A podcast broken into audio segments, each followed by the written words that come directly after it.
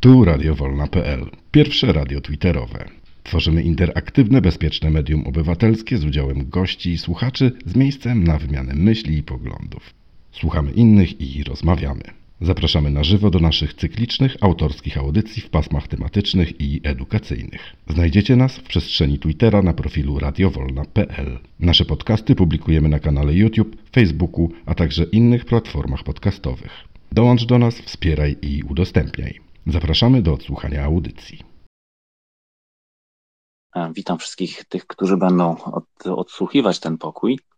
E, więc przedstawię od razu plan dzisiejszych zajęć. Zacznijmy sobie od tego, że spróbujmy odpowiedzieć sobie na pytania mm, związane z, z wyborami sportowców, kibiców, sponsorów, mm, organizatorów w kwestii organizowania imprez e, typu Olimpiada, typu Mistrzostwa Świata, na przykład Mundial, na terenach objętych e, różnego rodzaju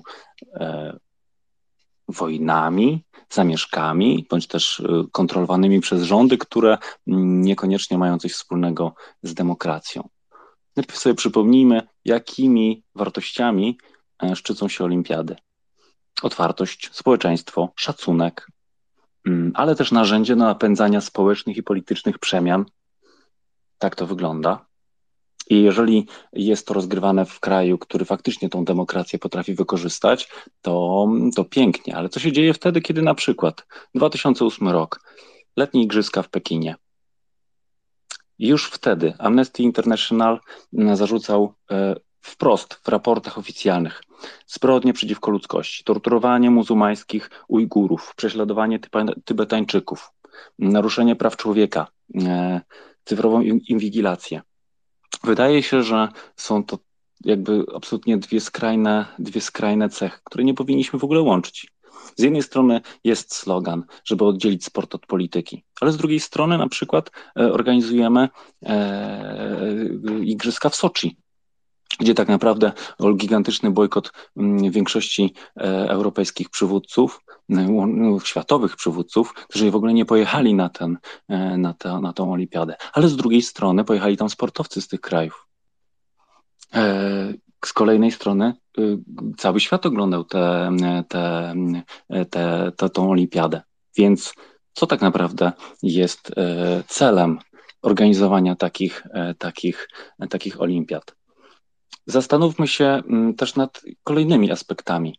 Czy na przykład organizowanie e, e, olimpiady w czasach e, koronawirusa, Tokio 2020, a tak naprawdę 2021, kiedy tak naprawdę mm, cały ten, cały ten blask igrzysk został zasłonięty pustymi trybunami, mm, wręcz terrorem, terrorem związanym z ochroną sportowców i dziennikarzy, działaczy przed, przed zarażeniem. Mm, niekoniecznie jakby to się wszystko, wszystko spina. E, co się działo na przykład e, po zorganizowaniu tych letnich e, igrzysk w 2008 roku? Myślicie, że mm, Chiny zostały, dostały bana na przykład na organizację dużych imprez? No nie. No absolutnie nie. W Pekinie 2022, zimowe igrzyska, gdzie tak naprawdę 243 organizacje w dniu otwarcia wprost mówiły, wzywały rządy wzywały sponsorów, sportowców, aby nie, legitym, nie legitymizować łamania praw człowieka, okazywać solidarność z uwięzionymi obrońcami tych praw. No ale co, wszyscy okazywali oburzenie, mm, łączyli się, łączyli się w duchu, ale tak czy siak wszyscy tam pojechali. Chciałbym poznać wasze, wasze zdanie, dlatego że e, ten temat tak naprawdę tylko pozornie dotyka sportu, ale dotyka e, też kibiców, którzy ten sport oglądają. Mm, a jakbyśmy poszli sobie jeszcze dalej, to tak naprawdę wyobraźmy sobie, mm, czy sportowiec, który jest z Rosji, co tak naprawdę powinien zrobić? Występować e, pod barwami kraju, e, występować bez tych barw, bronić, e, uciekać, Naprawdę wybór jest bardzo szeroki. Jeszcze dalej możemy posunąć sobie analogię e, w, w tym, jak powinniśmy traktować opresyjne państwo bądź opresyjne e, organizacje. Otwarte pytania. Tak naprawdę jesteśmy przygotowani do długiej dyskusji w różnych kierunkach, więc to od Was zależy, w którą stronę pójdziemy. Mm, zacznijmy od Artura. Zapraszam. Dzięki serdeczne, witam wszystkich. Słuchaj, tyle wątków poruszyłeś, że ja, ja w zasadzie nie notowałem i się pogubiłem, ale zacznę od tego pierwszego, mm, co tak naprawdę y, się dzieje, że takie państwa opresyjne, po prostu totalitarne, które nie przestrzegają praw człowieka, czy, czy różne tam dzieją jakieś konflikty społeczne czy polityczne, dostają igrzyska pieniądze. To jest jedna tylko odpowiedź, pieniądze, ogromne pieniądze. I, I, nie ma to, czy to będą Chiny, czy to będzie Katar, czy to będzie jakikolwiek inny kraj, który będzie organizował wielką imprezę. Za to stoją tak gigantyczne pieniądze. Przecież to wszyscy wiemy, że, że nam się w głowie nie mieści. Tak? Zresztą wybór, y, jak sam jest wybór y, wielkiej imprezy, y, zwłaszcza Igrzysk Olimpijskich, prawda, to są delegaci, oni jeżdżą, zwiedzają, i wiadomo, jak to się wszystko odbywa. Przecież to też opisywali dziennikarze niejednokrotnie co za tym idzie, prawda? Już tam tych szczegółów to się na pewno nigdy nie dowiemy, natomiast jak to jest wszystko organizowane.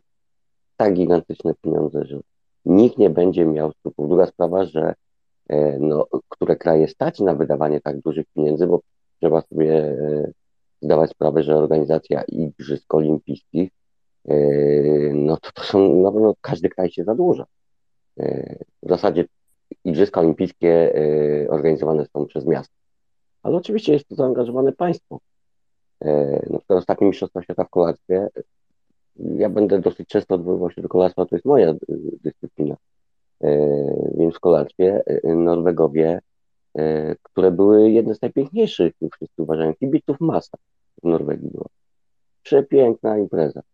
Ale do tej pory nie spłacili jeszcze, jeszcze długów. Jeszcze długo będą spłacali te długi. Także pieniądz, pieniądz, jeszcze raz pieniądz. Natomiast jeżeli chodzi o, o, o takie za, zagrywki, no, to trzeba by było się wrócić do historii i, w ogóle wielkich imprez. Ja pamiętam z historii Igrzysk Olimpijskich, 36 e, rok i to wszyscy pamiętamy. E, Hitler sobie zrobił, bo robił, wtedy organizował tą światową wystawę, prawda, jak, jak to przy okazji wymyślił sobie patent, że przy tej wystawie e, zrobi igrzyska no ciężko było krajom się z tego tak troszeczkę wycofywać, bo to były jakby może nie połączone imprezy, bo one się odbywały w różnym czasie, ale, ale wymyślił sobie taki patent, a, a przecież wszyscy doskonale wiedzieli, że to jest y, rząd faszystowski, który dąży do wojny. A mimo to dano faszystowskim Niemcom organizację Igrzysk Olimpijskich. I, I ja mówię, ja będę zawsze mówił krajem, chociaż to powinienem wymieniać miasto, bo to był Berlin. W Berlinie ta olimpiada się odbyła. E, no oczywiście tam były różne, różne sytuacje, e, mniej czy bardziej. Pamiętamy gesty Afroamerykanów w czarnych rękawiczkach, wychodzili z pięścią podniesioną do góry i protestowali przeciwko apartheidowi. E, więc i też można by było powiedzieć, czy, czy igrzyska Stanów Zjednoczonych, tam któremuś z miast Stanów Zjednoczonych się należy, prawda, w czasach apartheidu. Tak? Czy na przykład później RPA Mistrzostwa Świata w piłce nożnej. No tak możemy mnożyć. Przy, przypomina, ja sobie na przykład przypominam bardzo, gdzie polityka strasznie y, y zaciążyła na, na igrzyskach, to jest 72 rok Monachium. I, i, I co zrobili y, terroryści? Praktycznie no, no rzeź. No. Na, na Izraelitach, na sportowcach i działaczach zrobili rzeź. Y, kolejny, kolejny rok i to tak można praktycznie co Igrzyska Olimpijskie. 72, przelatujemy dalej 76, Montreal 80, Moskwa, bojkot. Dlaczego? Według mnie słusznie. No, najechali na Afganistan, chcieli podbić, więc kraje kapitalistyczne, wtedy tak się to mówiło, czyli kraje zachodnie, e, odmówiły startu w Igrzyskach w Moskwie startowały te, tylko praktycznie kraje socjalistyczne z dawnego bloku socjalistycznego tak zwanego. Kolejne igrzyska 84. I to było Los Angeles, w odwecie. Wy nie przyjechaliście, kraje socjalistyczne nie przyjechały, no to my nie jedziemy, znaczy przepraszam, y, wy żeście nie przyjechali do nas, więc co zrobił Józef Radziecki? No zabronił po prostu w ordynarny sposób krajom socjalistycznych jechać. Jedyny kraj, który się wtedy wyłamał, ale to Czałczesku miał tam, jak, czyli Rumunia, bo miał, miał w tym swój interes, dlatego że gimna, gimnastyczki y, rumuńskie wtedy były bardzo, bardzo mocno na fali. Zresztą on poprzez to y, igrzyska spodziewał się takiej promocji kraju, że bardzo dużo medali mogą zdobyć. Faktycznie zdobyli wtedy Rumunii bardzo dużo medali i to złotych. Więc on sobie tak i tak troszeczkę to ominął. Y, y, no a później to wymieniasz, no, no Pekin, Pjongczang nie tak dawno, no i tak możemy iść. Więc za tym wszystkim zawsze stoi, stoją pieniądze. No, już teraz, w tych czasach nowożytnych, y, nie mówię o 1896 tylko nowożytnych, czyli po, po, po, po 2000 roku, to to już nawet wcześniej, to to już są tak ogromne pieniądze. Idea olimpijska mm, no troszeczkę wygasa. Baron Pierre de Coubertin nie tak sobie to wszystko wyobrażał, nie tak po prostu chciał.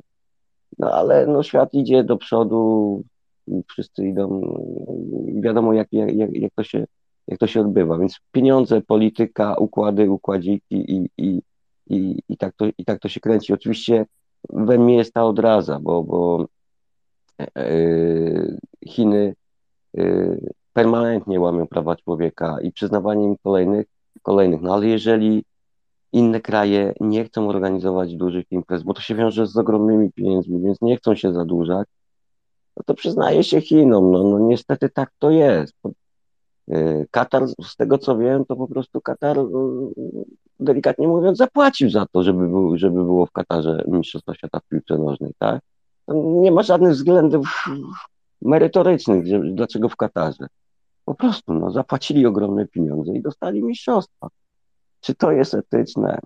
Nie wydaje mi się, no bo jaka to, jaka to jest promocja piłki nożnej? Arturze, może zatrzymaj myśli, gdyż są, są kolejni jakby chętni. Rozgadałem się. Przepraszam, tak. Dobra, kończę. Zahamuj, okay. zahamuj i jak na pewno jakby wrócimy dalej do tej myśli. Um, witam Janusza. Fajnie, że wpadłeś od razu nam, jakby wyrzucisz też parę faktów związanych z Katarem. Um, a tak w kwestii kwestii tego, co Artur powiedziałeś, no teoretycznie pieniądze tak, ale na przykład moim zdaniem organizacja, organizowanie e, w Soczi 2000, 2014 z pieniędzmi nie miało moim zdaniem za dużo wspólnego. Mm, oczywiście e, szalejąca, e, szalejąca mm, jakby rosyjska chęć do, do, do, do wydawania mniejszych pieniędzy niż się dostało, mm, co było widać praktycznie na każdym kroku, jeżeli chodzi o organizację, budowę i, i, i zarządzanie całym tym, całym tym przedsięwzięciem, to jest jakby inna sprawa, ale tak naprawdę moim zdaniem było to stricte polityczne, mm, nie nastawione na zysk finansowy, tylko wyłącznie jakby pokazanie e, światu, jak Rosja e, potrafi zorganizować e, tego typu imprezę.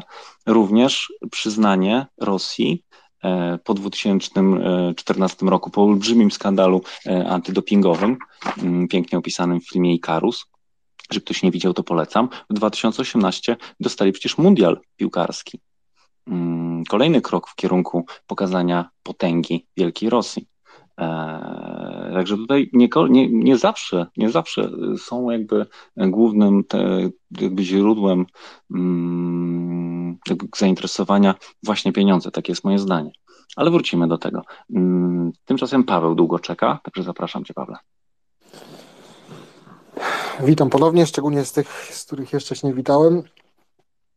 Czy paradoksalnie teraz sobie tak pomyślałem, że, że przyznanie, e, przyznanie Rosji Olimpiady w Soczi oraz Mistrzostw e, Świata w piłce nożnej, e, mm, e, że tak powiem, e, Jejku, brakuje mi słowa, opóźniło tą wojnę na Ukrainie. No bo wiadomo, że wiadomo, że gdyby to się zaczęło wcześniej, to te, to te imprezy byłyby im odwołane. Oczywiście w żaden sposób, mm, w żaden sposób nie, nie mówię, że to było dobrze, zostało to przyznane.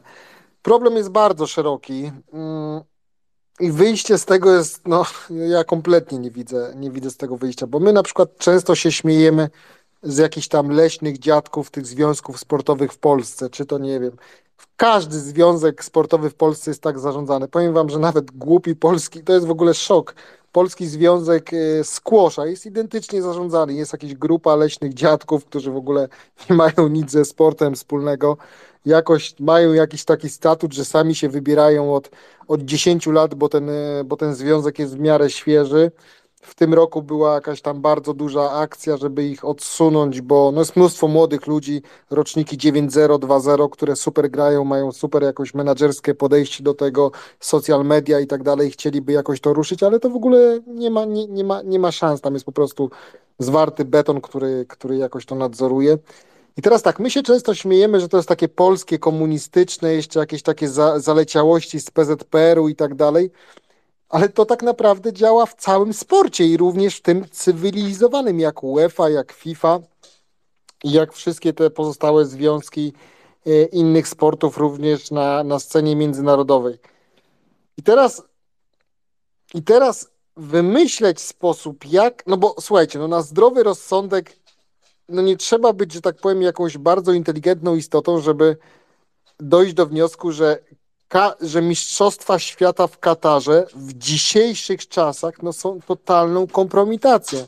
Dzisiaj mówimy, dzisiaj mówimy o tym, że e, literą dzisiejszych czasów jest walka e, z globalnym ociepleniem, z CO2 i tak dalej, i tak dalej, a dajemy tak wielką imprezę krajowi, który ma upały w tym momencie, nie wiem, tam 40-50 stopni, gdzie, gdzie to wszystko będzie klimatyzowane. Oni dokładnie wiem, wpadli na pomysł, że jakieś zwykłe ulice muszą być też klimatyzowane. Przecież ile to. I słuchajcie, i te stadiony powstaną na jakiejś małej wiosce, no bo ten Katar to nie jest jakaś tam rozległa miejscowość i tak dalej. To wszystko później będzie albo rozbierane, a już są jakieś plany, że to mają gdzieś tam przekazać jakieś, nie wiem, szpitale polowe, czy, czy taki, taki marketing pseudo. Czyli tak naprawdę niby walczymy z, mm, z globalnym ociepleniem, a zobaczmy, ile ten Katar wyemituje tego CO2 na, na powstanie tego wszystkiego. Przecież na zdrowy rozsądek mamy wspaniałą planetę. Przecież w tej wspaniałej planecie są miejsca, gdzie można rozgrywać w cywilizowany sposób, w cywilizowanej pogodzie takie rozgrywki, a są miejsca, które się do tego nie nadają. No i Katar jest po prostu sztandarowym przykładem, że się do tego nie nadaje ze względu na, na swoje położenie geograficzne. I my takimi kategoriami w ogóle w tym sporcie nie myślimy i to się w ogóle zupełnie gryzie z tym, no bo niby, no bo niby sport powinien uczyć jakiejś wartości, taka jest idea sportu, taka jest idea ruchu olimpijskiego. E, wydaje mi się, że to już kiedyś mówiłem, że, że tak naprawdę każdy z nas to kiedyś poczuł miłość do sportu, to właśnie poczuł miłość do jakichś też i wspaniałych wartości, które ten sport powinien reprezentować ale to też pokazuje, że system zamknięty jest zawsze systemem złym. Jeżeli na te związki mogliby, że tak powiem, wybierać w sposób bardziej otwarty, to, e, to może byłyby one lepiej zarządzane. No, skoro to są systemy zamknięte, są jakieś klany po prostu, to można chyba dziedziczyć nawet, to no już przesadzam, no ale to tak może wyglądać, że to można dziedziczyć stanowisko prezesa w jakimś związku. E, no i tak to działa. Czy, czy to się może jakkolwiek zmienić? No nie sądzę, bo to jest tak zamknięte, że nawet gdyby tutaj przyszedł naczelnik Kaczyński i powiedział, że on, to, że on na przykład rozwali ten PZPN, to nie może tego zrobić. Nawet on nie może tego zrobić, tak? No, już byli mocni, którzy chcieli wejść do PZPN-u yy, e, i nawet im się to nie udało, prawda? Więc no tak, tak, tak, tak to działa. E, para, takim dla mnie takim przykładem sztandarowym ostatniego, ostatniego czasu, jak sport potrafi być w tym cyniczny, jest właśnie wojna na Ukrainie. Przecież pamiętamy Putina, który przyjechał na ceremonię otwarcia tych igrzysk, igrzysk olimpijskich i doskonale siedząc obok pana, e, pana dygnitarza chińskiego, E, doskonale wiedzieli sprawę, że w momencie, kiedy te igrzyska się zakończą, że Rosja zaatakuje Ukrainę i to będzie dokładnie tego dnia, żeby rosyjscy sportowcy z tych igrzysk nie byli wykluczeni, prawda? Więc to, to jest taka. No to już nie jest sport, to jest po prostu jakaś, jakaś parodia sportu. Hmm. Czy mam jakiś pomysł? Nie mam pomysłu, jak to zmienić. To musi być jakieś coś, rozwalić to, ale to tak łatwo powiedzieć, rozwalić i powstać od nowa. No nie wiem, chętnie Was posłucham, bo ja nie mam pojęcia, co z tym można zrobić. Dzięki. Mhm, dziękuję Ci, Pawle. Tak naprawdę te dywagacje są jeszcze szersze, bo tak naprawdę mm, możemy zejść jakby od ogółu do szczegółu i tak naprawdę na przykład postawić się w, w, w osobie sportowca, który na przykład zastanawia się, e, czy być sponsorowany przez e, choćby Huawei, tak jak Robert Lewandowski, e, albo Leroy Merlin, całkiem niedawno też przecież absolutnie zakazany. Albo choćby nasz polski Orlen, który tak naprawdę jest największym, największym sponsorem imprez masowych w naszym kraju, tak? I to nie tylko sportowych. E, było dużo głosów na temat choćby e, Roberta Kubicy, który jeździ za pieniądze Obajtka. Mm, tak naprawdę dylematy mają wszyscy, łącznie ze sportowcami, łącznie z kibicami, jak do tego podejść.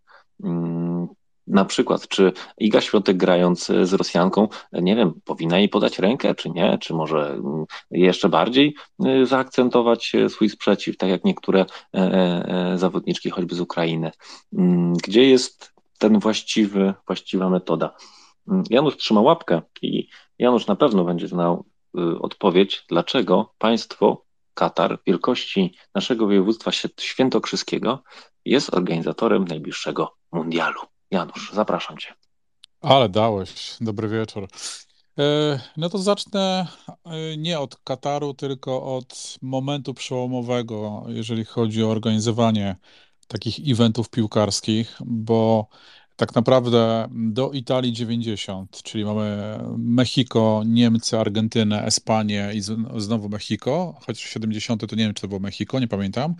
E, nie było progu wejścia inwestycyjnego do imprezy. To znaczy, że ani FIFA, ani UEFA nie narzucały jakiegoś wymogu, że trzeba poprawić areny. Jak sobie obejrzycie na przykład relacje z e, Mexico 86, to tam był totalny piach. E, niektóre stadiony, na których grano, były w fatalnym stanie technicznym i nikomu to nie przeszkadzało. Tak samo wystarczy sobie obejrzeć mecz Polska-Francja o trzecie miejsce na Espanii. Ten stadion też jest no, średni, delikatnie mówiąc. I to się zmienia we Włoszech w 1990 roku. Po raz pierwszy na tej imprezie pojawiły się wymogi inwestycyjne, czyli państwo, które dostaje status gospodarza, musiało się zadeklarować, że coś zbuduje. E, I w sumie tak naprawdę historycznie powód tej decyzji nie jest znany. Są trzy teorie. Pierwsza to tak zwany lewar finansowy, w ten sposób poprzez uatrakcyjnienie bazy sportowej sponsorzy będą lgnęli, bo gdzieś w okolicach pomiędzy Espanią 8.2 a Meksykiem 8.6 generalnie był straszny regres, jeżeli chodzi o pozyskiwanie nowych sponsorów. No to jak sobie tam wrzucicie to to widać, że tam y, no, mało skutecznie się to działo. Druga teoria dotyczy oczywiście transmisji telewizyjnych, bo wtedy nagle telewizje stwierdzają, zaczyna się konkurencja, powstają nowe platformy, gdzieś na horyzoncie pojawiają się już jakieś pierwsze multiplexy europejskie i stwierdzono, że w obrazku po prostu trzeba pokazywać jakieś fajne, fajniejsze rzeczy. No i trzeci argument kluczowy, frekwencja, czyli jakby po prostu e, tak zwany dochód meczowy. No i ty, od tego momentu zaczyna się całe zło, moim zdaniem, które doprowadza nas do teraz do mundialu na pustyni. Czyli tak naprawdę każdy kolejny proces aplikowania państw to jest de facto zgłoszenie pewnej dyspozycyjności kredytowo-finansowo-państwowej E, sfinansowanie tego bardzo często własnymi środkami, po to, żeby cyrk objazdowy FIFA i UEFA mógł przyjechać ze swoimi sponsorami i skeszować, e, skeszować tą imprezę. No i, i to chyba jednak wszystkim się to opłaca, skoro tak to się dzieje, co z automatu wykluczyło wszystkie państwa, które albo mają dosyć nową bazę, albo nie chcą inwestować, dlatego tutaj zaczyna się lobbying, taka czysta, czysta polityka. To oznacza, że ktoś, kto ma w tej chwili prerię, ale ma pieniądze i da gwarancję, że zainwestuje pieniądze i zbuduje całą infrastrukturę i stadiony, powinien być postrzegany jako faworyt w kolejnych procesach aplikacyjnych o kolejne imprezy, co jest absurdem w ogóle, bo to powoduje, że przestajemy myśleć w kategoriach sportowych, a zaczynamy myśleć w kategoriach inwestycyjnych ja mam wielką nadzieję, bo jeszcze o Katarze powiem może przy kolejnym wejściu, że wszyscy na tej imprezie zobaczą, jak to jest idiotyczne. Zresztą generalnie to też już było na, w Austrii, e, bo ten obiekt w Klagenfurcie też był na prerii, moim zdaniem. Byłem tam, więc no, słabo to wyglądało. I teraz, co, co, teraz się tutaj e, dzieje pomiędzy tym 1990 i, i kolejnymi latami? następuje tak naprawdę pomieszanie wszystkiego. Sport poszedł na bok, jest polityka, są inwestycje, są kredyty, e, są rzeczy, o których my się nigdy nie dowiemy, czyli rola, w jakiej występuje FIFA i UEFA. BBC miało śledztwo, z którego wynika, że oni czasami występują jako żyranci. Potem pojawia się Unia Europejska i tak dalej, i tak dalej. Więc to jest taki moment graniczny, mm, który jest generalnie dużym problemem. To jest poza kontrolą, nie ma żadnych instrumentów kontrolnych, nie można E, się dowiedzieć, e, kto, jak, dlaczego. Za chwilę będziemy, czy jeżeli już, chyba jest, Michel Platini jest już e, uniewinniony z tego, co tak czytałem, więc zaraz się okaże, że w ogóle on też działał czy, czysto. I to jest, to jest dla mnie definicja patologii, czyli ta gotowość inwestowania, wykładania kasy państwowej, budowania de facto na życzenie, a potem ponoszenia kosztów. No przecież u mnie Amber w Gdańsku jest nierentowny. W ogóle to się nigdy nie zapnie. PG Narodowy, gdyby nie taki duży sponsor, jakieś imprezy typu, nie wiem, roztańczony albo podsiadło w przyszłym roku, to też to by było cały czas na minusie. Ale państwa są z tym zostawiane. Zostawiane są z tym problemem i już wtedy jakby organizator nie pomaga. I teraz to, co najśmieszniejsze, i tak zakończę to pierwsze wejście, że nawet jeśli zbudujesz fajną bazę sportową, E, pod, załóżmy tam imprezę, do której aplikujesz i dostaniesz tę imprezę, to nie znaczy, że z tą samą bazą możesz zaaplikować do kolejnej imprezy, bo przy kolejnej musisz złożyć kolejną deklarację, że zbudujesz kolejne obiekty. Oczywiście tu jest taka ściema, taki bullshit, y, że to poprawia infrastrukturę sportową w Europie i tak dalej, i tak dalej. E, ja tego nie mogę zrozumieć. E, jest jakaś taka teoria spiskowa, że to jest jakaś e, lobby w ogóle banków, które mają za dużo pieniędzy i nie wiedzą w co inwestować, wiem, pchają kasę na stadiony, na drogi, jakichś firm budowlanych i Bóg wie jeszcze czego. No więc na razie przypinam taką pierwszą pineskę, żeby jakby zdefiniować moment, w którym zaczęło się źle dziać. To jest Italia 90, pierwszy taki hybrydowy lewar pomiędzy FIFA i państwem włoskim. Notabene Włochy do dzisiaj nic nowego nie zbudowali, oprócz chyba Juve i, i tego San Siro, o którym rozmawialiśmy w weekend, to te wszystkie obiekty są właśnie z, z 90. Mm, same znaki zapytania. Ja nie umiem w ogóle odpowiedzieć, dlaczego tak się dzieje, a y, Katar jest kumulacją, kumulacją tego, tego zła. No a potem w następnym wejściu powiem Wam, co tam się jeszcze przy okazji wydarzyło. Dzięki bardzo. Mhm, dziękuję Ci, Janusz. E, fajna wycieczka e, w przeszłość. Mm, tak, ja też jestem zdania, że MKOL e, i, i, i inne organizacje, które są jakby decydujące w, w rozdawaniu tego typu imprez, mają praktykę kasowania zysków i zrzucania kosztów na organizatorów. Organizatorzy mm, tak naprawdę mm, jakby oni muszą być świadomi tego, co, co się stanie, że oni zostaną z tymi obiektami. No przecież wszyscy pamiętają właśnie y, budowanie e, wielkich stadionów w, w Pekinie. Nie wiem, czy pamiętacie taki wielgachny, widoczny z kosmosu niemal stadion e, Ptasie Gniazdo, Orle Gniazdo, prze, przepiękny, ale tak naprawdę tam teraz y, nie tylko na stadionie e, nic się nie dzieje, ale również e, wokół niego, na tych wszystkich autostradach, dojazdach, parkingach, hotelach, które tam były wyprodukowane wyłącznie w celu, e, w celu zorganizowania imprezy. Mm, na przykład impreza w Soczi. Przecież tak naprawdę ona nie była w ogóle jakby przygotowana terenowo do tego, żeby tam zorganizować e, tego typu imprezę. Nie wspomnę o tym, że brakło tam śniegu e, i, i śnieg był tworzony sztucznie, zwożony z jakichś, jakichś, jakichś e, odległych okolic. Tam była jakaś jedna wielka mistyfikacja tak naprawdę imprezy sportowej mm, i, i to się nie mogło, to się nie mogło opłacać, to się nie mogło opłacać. Także cały czas tutaj przypominam, że mm, są jeszcze inne uwarunkowania oprócz pieniędzy. Na pewno tak. E, Artur, zapraszam Cię.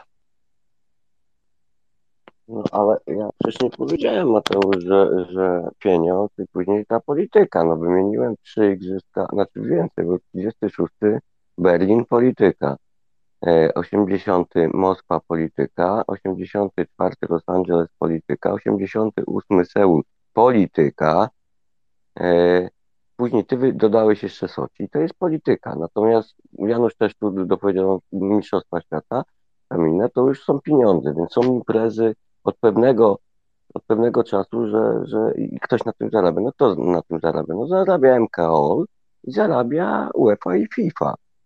No bo na pewno nie te państwa, które to organizują, czy miasta. E, jakie są jeszcze oprócz polityki i, i pieniędzy? Wiesz, to jest takie powiedzenie, że, że światem rządzi polityka i pieniądz, albo odwrotnie, pieniądz i polityka. E, na pewno gdzieś jeszcze są jakieś aspekty, natomiast mówię, w tej piłce fajnie, że Janusz to zauważył, znaczy zauważył, ja tego nie wiedziałem, więc dla mnie ciekawostka, że tam od 90 e, od Mistrzostw Świata we Włoszech e, właśnie te pieniądze zostały w ten sposób transferowane i cedowane, natomiast mówię, dla mnie, dla mnie w ogóle generalnie, jeżeli chodzi o wartości takie typowo już moralne, w którym momencie się skończyło. Na przykład dla mnie e, piłka nożna takiego kibica już no, dosłownie, że nie, nie było, że, że ja nie obejrzę meczu. Ja mogłem wszystko zostawić, mecz musiałem obejrzeć. To, to 85 rok i Heiser. I od tego momentu powiedziałem, że chyba jednak piłka, znaczy w pewnym momencie się y, ta piłka skończyła. Y, po tych ekscesach, po tych w zasadzie dramatycznych scenach, a y, teraz już tego nie transmitują. Kiedyś kto, kto oglądał na żywo, ten wie, nie przerwali transmisji, wszystko było pokazane. I, I to tyle, no mówię, polityka, pieniądze, na pewno jeszcze się znajdzie, ale też fajnie ktoś tu zauważył, już nie pamiętam, ktoś jeszcze zauważył, że chyba, no Jezu, przede mną był. Dobra, będzie wiedział, kogo chodzi, o, o tych leśnych dziadków. No tak, masz 100% racji. Tak jak się dzieje w polskich związkach, są te leśne dziadki, tak się dzieje w tych związkach światowych też są e, leśne dziadki, które mm, pociągają za te sznureczki. Oni wiedzą doskonale, nawzajem się wspierają, no i tak to się toczy. Póki to dziękuję. Mhm, dziękuję Ci bardzo.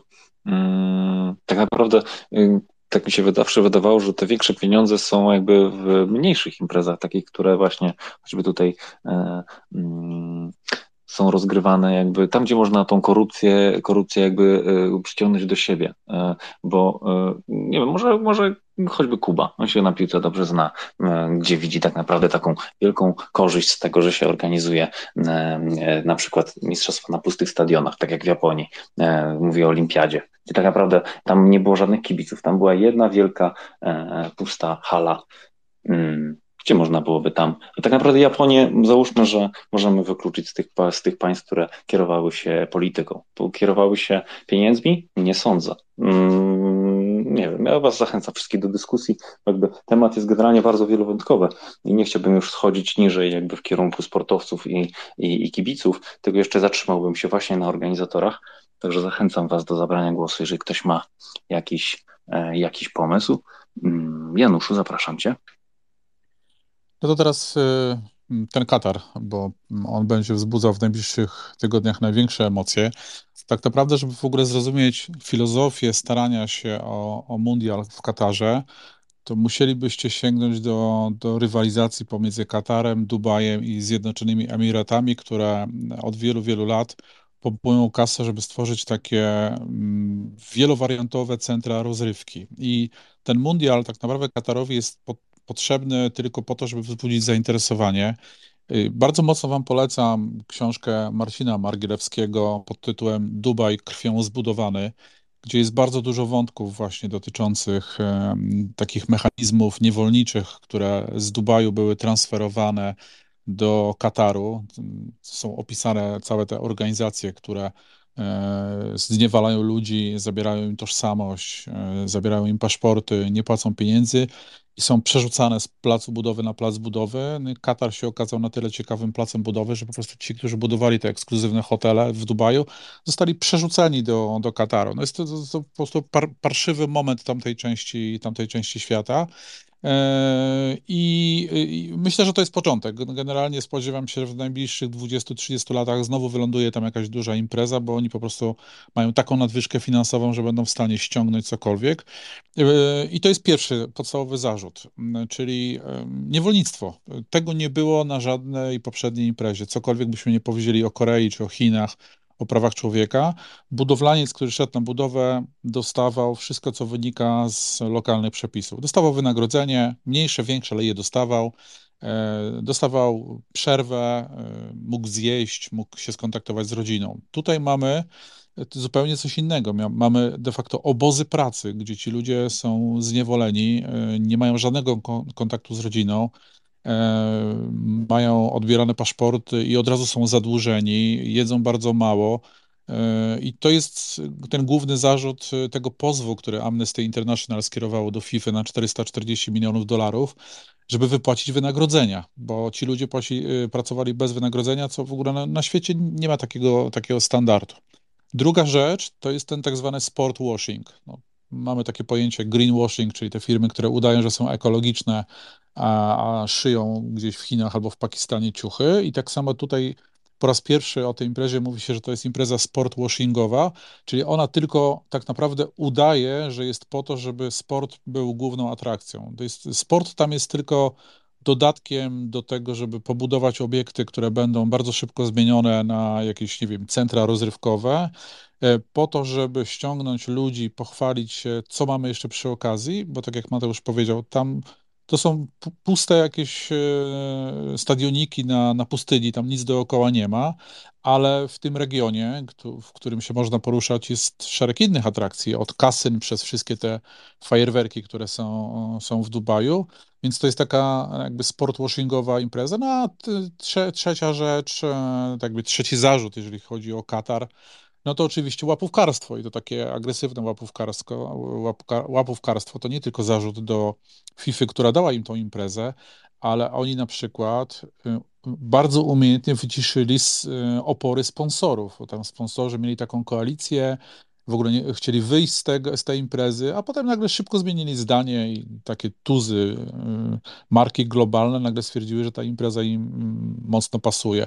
Wydaje mi się, że po tej imprezie, e, to, niestety to jest straszne, ale Katar zaliczy gigantyczny wzrost ruchu turystycznego, no, bo oni szykują tę imprezę, żeby po prostu pokazać, co oni tam posiadają w, w tym regionie.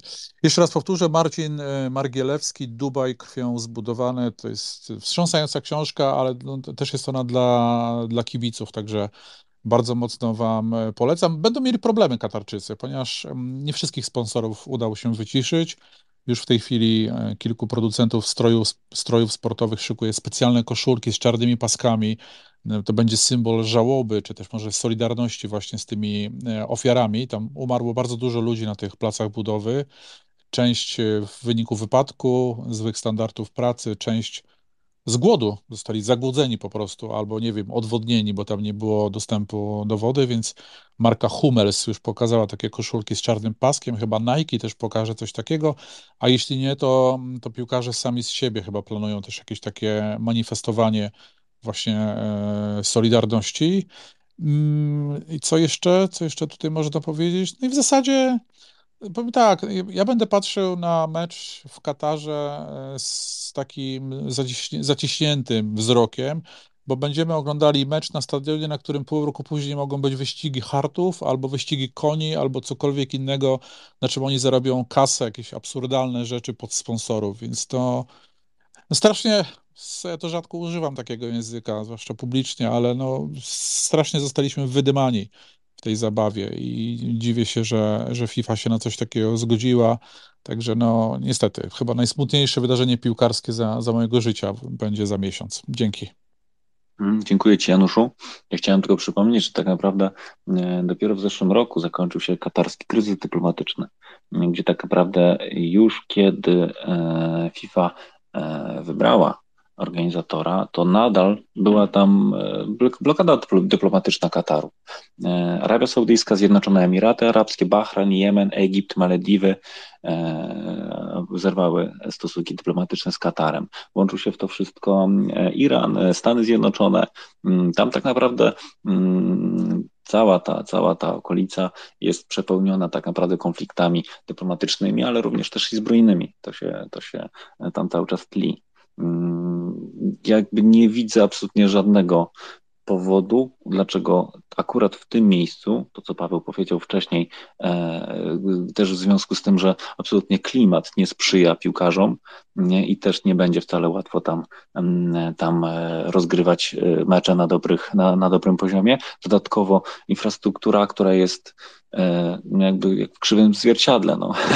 niewielkie boiska po 40 tam tysięcy chyba maksymalnej pojemności, e, malutki kraj, mm, e, tak jak wczoraj wspomniałeś Januszu o tych o tych przelotach z Dubaju, mm, jakieś kosmiczne, kosmiczne będą tam akcje. Mm, jeszcze chciałbym nawiązać do tego, co prowadziła na przykład chińska, chińska, chiński rząd w przypadku organizacji imprezy w 2020 roku. Mówi o aplikacji Maj 2022.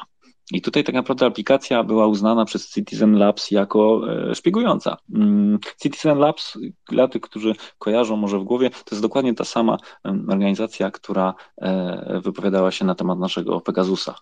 E, więc mm, załóżmy, że że jest renomowana. E, otwarcie mówiło się o lukach w zabezpieczeniu, mówiło się o tym, że monitoruje nie tylko, nie tylko miejsce i, i, i z kim się spotykasz, ale również potrafiła e, wkroczyć jakby w twój telefon i, i, i sprawdzić, e, z kim dzwonisz, co, co, co robisz, gdzie mailujesz, z kim mailujesz mm, co jest najdziwniejsze, mimo że Citizen Labs ogłosił ten, ten raport, on był potwierdzony przez mniejsze agencje, no to Apple i Google jak najbardziej sprzedawali go, bądź też e, pozwalali e, instalować z własnego, z własnego sklepu, e, mówiąc o tym, że jest zgodna z lokalnym chińskim prawem i ze standardami międzynarodowymi.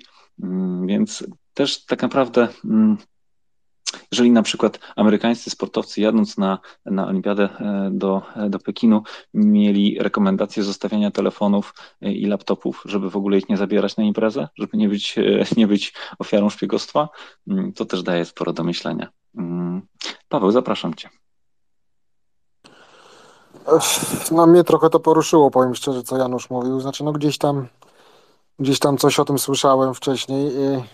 A to też zobaczcie, jak to pokazuje no taką no już totalną hipokryzję tego. Przecież w czym byłby problem, skoro ten Katar ma taką nadwyżkę finansową, dopilnować do tego, żeby ci pracownicy byli tam e, opłacani, tak, i byli w cywilizowany sposób traktowani, mieli normalne warunki mieszkaniowe, bytowe, pracownicze i tak dalej. Przecież nie byłoby żadnego problemu wynegocjować z tym Katarem, żeby FIFA na przykład powiedziała, że będzie miała nad tym nadzór, biorąc pod uwagę jakieś prak. Przecież to, że oni tak to organizują, to podejrzewam, że to nie jest, to nie zaczęło się za czasów Kataru i budowy stadionów i infrastruktury, tylko to pewnie było już lata albo dziesięciolecia wcześniej, więc jeżeli ten kraj o to aplikował, to jakaś jednostka powinna wziąć też to pod uwagę i taki punkt e, wynegocjować, czyli jeżeli, że przyznajemy im, ale jeżeli prawa człowieka przy budowie infrastruktury nie będą przestrzegane pod naszym nadzorem, no to natychmiastowo e, organizacja tej imprezy będzie odebrana, czyli, czyli tak naprawdę czyli tak naprawdę oni się na to zgodzili. Czyli tak naprawdę oni są zwykłymi mordercami, no bo, e, bo mieli na pewno wiedzę, jak to będzie budowane, a skoro nie wynegocjowali, nie wynegocjowali nadzoru nad tym, to zgodzili się na to, że dając im tą imprezę, ileś set ludzi albo ileś set tysięcy przy tym po prostu umrze, więc no to jest to po prostu. Ale słuchajcie, sytuacja w ogóle doszła do tego, o, czy, o czym my mówimy. My mówimy o tym, że marka Hummels czerwoną, czerwoną wstążkę, czy tam czerwone coś, czarne coś tam na koszulce, że ktoś tam, coś tam. I to jest ten taki znak dzisiejszych czasów, że my mówimy o takiej takiej poprawności, coś tam klikniemy, coś tam zalajkujemy, coś tam weźmiemy udział w jakimś wydarzeniu, ale z tego tak naprawdę nie idą żadne konkrety. Konkretem nawet nie ma, że jeden piłkarz, słuchajcie, tam jedzie cała, cała, cała, można powiedzieć, cała piłka nożna, jaka dzisiaj jest w dzisiejszym świecie. Czy zna ktoś jakiekolwiek jedno nazwisko, kto powie, że w tych, w tym, w tych mistrzostwach nie wystartuje? Przecież czy Lewandowski na przykład nie ma o tym pojęcia, że tam zginęli? Jeżeli Janusz po przeczytaniu tej książki jakiejś tam wiedzy na ten temat, ma wiedzę na ten temat, to czy na przykład taki Lewandowski i Rzesza innych piłkarzy nie mają też jakiejś chociaż częściowej wiedzy na ten temat? Mają i nie ma jakiegoś takiego globalnego procesu. To, to jest pierwsza rzecz. A druga rzecz, która mi tak przyszła teraz na myśl, yy, na czym polega potęga Kataru. Pewnie polega na tym, że oni mają dostęp do, do ropy naftowej e, do gazu, to pewnie Janusz się tam wypowie, z czego oni tam czerpią te, e, czerpią te, te pieniądze, no ale tak mi się coś wydaje, że oni tam gaz i ropa. To też nasuwa się pytanie, czy, czy złoża, które ma nasza planeta i z których, żebyśmy mogli się rozwijać i żyć, których musimy wszyscy używać, czy, czy to jest uczciwie, że mogą na tym zarabiać tylko te regiony, na których te złoża są, skoro one są, że tak powiem, do dyspozycji no, całej tej planety, tak? I no, mnie to zawsze troszeczkę zastanawiało, że tak naprawdę właśnie tworzymy patologię, no bo gdyby gdyby na przykład oni nie mieli czegoś takiego, byliby zwykłym, normalnym krajem, tak? A, a tak sobie mogą pozwolić na, na rzeczy, które, e, które robią, tak? Mając dobra naturalne, które no, no nie wiem, no to jest pewnie można by o tym nie jeden pokój, e, nie jeden pokój, ale chętnie posłucham e, głos Janusza na ten temat. Dzięki. Mhm, dziękuję Ci bardzo. Janusz, tak, oddaję Ci głos, bardzo proszę. Znaczy, to wiadomo, tam ta część świata żyje z surowców, to nie będziemy teraz tutaj robili jakichś analiz specjalnych surowcowych. E, śpią, śpią na surowcach, mają gigantyczne nadwyżki finansowe. Natomiast ja jeszcze chciałem wrócić, bo taki wątek się pojawił kilka minut temu, czy byłoby jakieś rozwiązanie. Znaczy, ja mocno kibicowałem temu, co Michel Platini próbował zrobić, jeżeli chodzi o Europę. Szkoda, że nie wyszło, ale byłbym chyba w stanie zaakceptować pomysł mobilnego mundialu. W ogóle odczepiłbym mundial od lokalizacji w jednym kraju.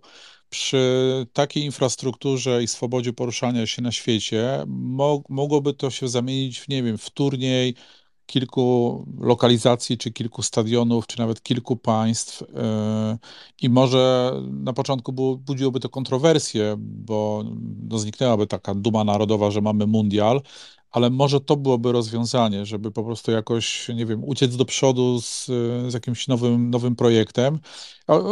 oczywiście w ramach jednego kontynentu, no bo nie, nikt nie będzie latał przez ocean, żeby zagrać 90 minut, e, więc to, to moim zdaniem jest jest pomysł wart analizy, czy nie wiem, jakiegoś tam e, rozważenia, zastanowienia się.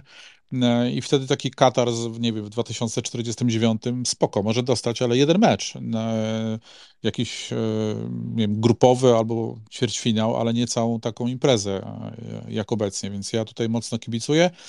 Natomiast tak trochę, trochę wbrew klimatowi, bo tutaj Mati powiedziałeś o tych aplikacjach, tutaj na Mundialu w Katarze też są już dwie aplikacje. E, jedna to jest Eteras, a druga Haya przez 2Y bez których w zasadzie nie wpuszczą cię do Kataru. I teraz mógłbym oczywiście uderzyć w takie lamenty i dzwony, że to jest śledzenie, mm, po prostu pobieranie danych i wszystko się zgadza. Tam mamy też cyfrowe, cyfrowe wallety, bo to będzie też pierwszy mundial, na którym de facto nie będzie walut narodowych. Trzeba będzie zainstalować tę drugą apkę, tą Haya, wymienić swoją walutę na wallecie na takie kupony cyfrowe i te, te kupony cyfrowe są jedynym środkiem płatniczym na obiektach.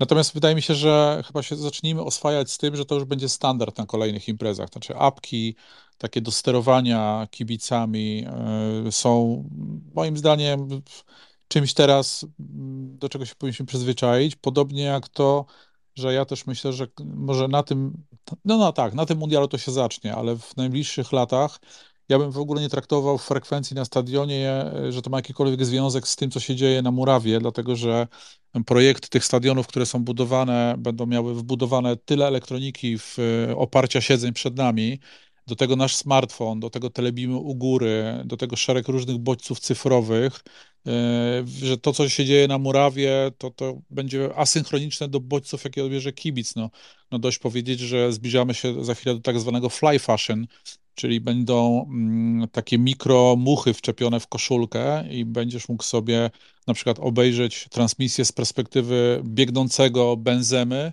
e, a mucha będzie na jego torsie, czyli nie zobaczysz e, kamery tak jak teraz UEFA idzie z protokołu 12 ujęć, tylko sobie po prostu wybierzesz na smartfonie albo na, z przodu na siedzeniu będziesz mógł sobie to włączyć. Więc ja myślę, że kibice, którzy dzisiaj się rodzą, ale mają tam po 3-4 latka i zostaną przy piłce, to będą chodzili do czegoś takiego jak cyber football. Na stadionie będzie po prostu dużo różnych wrażeń i inna perspektywa.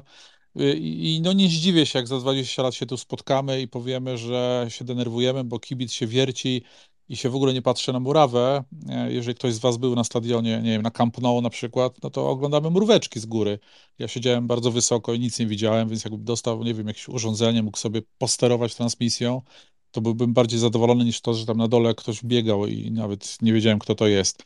Więc tak, tak to będzie wyglądało w najbliższych latach. Niestety wszystkie plany ogłoszone w tej chwili dotyczące protokołów, e, prawa do transmisji, które są sprzedawane, no jeden z najgłośniejszych transferów nad prawa, które zaraz się skończy, to są prawa do transmisji z silverów i z goldów. Czyli będziemy mogli zobaczyć, kto wcina y, przegrzebki i sushi w strefach dla VIP-ów y, i zapłacić, nie wiem, y, jakiś abonament, zamiast obserwować, co się dzieje na boisku. Także cyrk, proszę Państwa, na całego, taki ostry cyrk się szykuje. Dzięki. Mhm, dzięki Januszu.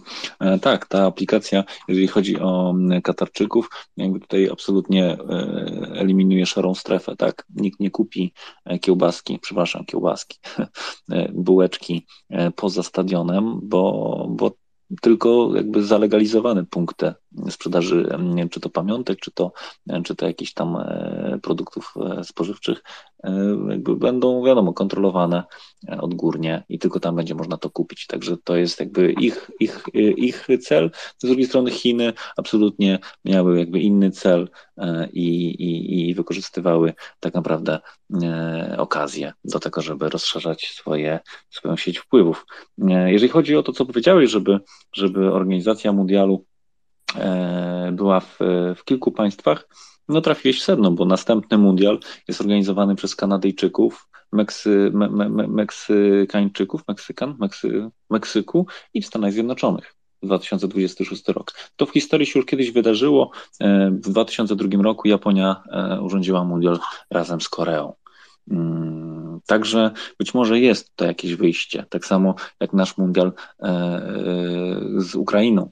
E, mistrzostwa. E, teoretycznie jakby to, to akurat w naszym kraju e, też wymusiło budowanie w pośpiechu i dróg, i, i, i stadionów, mm, ale przyjrzę się, czy Kanadyjczycy, i Amerykanie, i Meksykanie też coś budują. A tymczasem autor, zapraszam Cię. Cześć, jakiś czas temu mówiliście o, o tenisie, zanim przyszło do Kataru, bo też o, o tym Katarze chciałem powiedzieć. E, było takie pytanie retoryczne, e, jak Iga się odnosi do rosyjskich zawodniczek. To tak e, z tego, co widzę w tym roku, jest taka jedna Rosjanka, ona nawet jest w dziesiątce, chyba nawet zaapała się do ósemki do Teksasu. Daria Kasatkina to jest dziewczyna, która dokonała coming outu, ogłosiła, że jest w związku z inną Rosjanką, łyżwiarką figurową. Oczywiście nie mieszkają w Rosji, bo tam nie można pozytywnie się w ogóle wypowiadać nawet o LGBT. E, no i też e, trochę była e, wstrzemięźliwa, ale jednak najbardziej z Rosjanek wypowiedziała się negatywnie na temat wojny. Nawet się rozpakała na konferencji, więc to jest chyba taka najbardziej pozytywna postać z tej czołówki. Takimi negatywnymi postaciami są Białorusinki według mnie, Azarenka i Sabalenka, no, które są takimi bucami w spódnicach, o, tak bym je, tak bym je nazwał.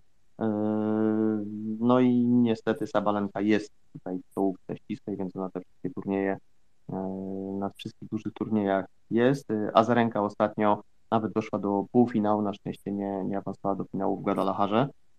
I jeszcze jest jedna Rosjanka w czołówce, tylko to jest Rosjanka z paszportem kazachskim. Ona wygrała Wimbledon w tym roku, to jest Rybakina. Ona po prostu przestała mm, reprezentować barwy Rosji w 2018 roku no bo nie łapała się na, e, na jakieś fundusze państwowe, bo tych tenisistek tam było, tam było za dużo, więc to jest taka e, Rosjanka trochę ubrana w te niebieskie e, barwy kazaskie, która gra. Natomiast co do takiego witania się czy żegnania, to Ukrainka, może chyba Kostiuk, taka dziewczyna chyba z trzeciej czy czwartej dziesiątki, po meczu z Azarenką nie podała jej ręki. To był taki dosyć chyba nawet znany obrazek, po prostu się rakietami no, po, yy, po przegranym meczu przez Kostiuk, no, która powiedziała wprost, że, że przed meczem napisała SMS-a do Azarenki, że, że nie podam ci ręki, a co tam dalej między nimi było, no tego nie wiem, wiemy, że taki SMS był, więc to jest, yy, to jest ten tenis i to podejście do tych tenisistek rosyjskich, których, których wciąż jest dużo i wciąż uważam, że WTA i ATP yy, odstawiają straszną wiochę i straszne badziewie, dopuszczając rosyjskich tenisistów i rosyjskie tenisistki do, do startów, mimo że nie grają pod swoją flagą. Więc to tak o tym, o tym tenisie i, i kontakcie z, z rosyjskimi e, zawodniczkami tak mi, i białoruskimi tak mi na szybko przyszło. E, co do Kataru, wiecie co, jest taki gościu na Facebooku, ja go nie śledzę, bo on mi tak trochę zalatuje e, konfederacją, to nie moje klimaty. Nazywa się Piotr Piotrowicz i on fantastycznie, fantastycznie zebrał wszystkie te absurdy i idiotyzmy Mistrzostw Świata w Katarze. Zrobił taki string tweetów, nie, nie wiem, czy nawet teraz jest sens to czytać, bo czytałbym to pewnie z 15 minut. E, może mogę tak kilka e, wymienić, jakie tam są na przykład ceny, tak? Cena za piwo to jest 50 zł w sklepie, a to i tak piwo można tylko sobie kupić 3 e, godziny przed meczem i godzinę po meczu.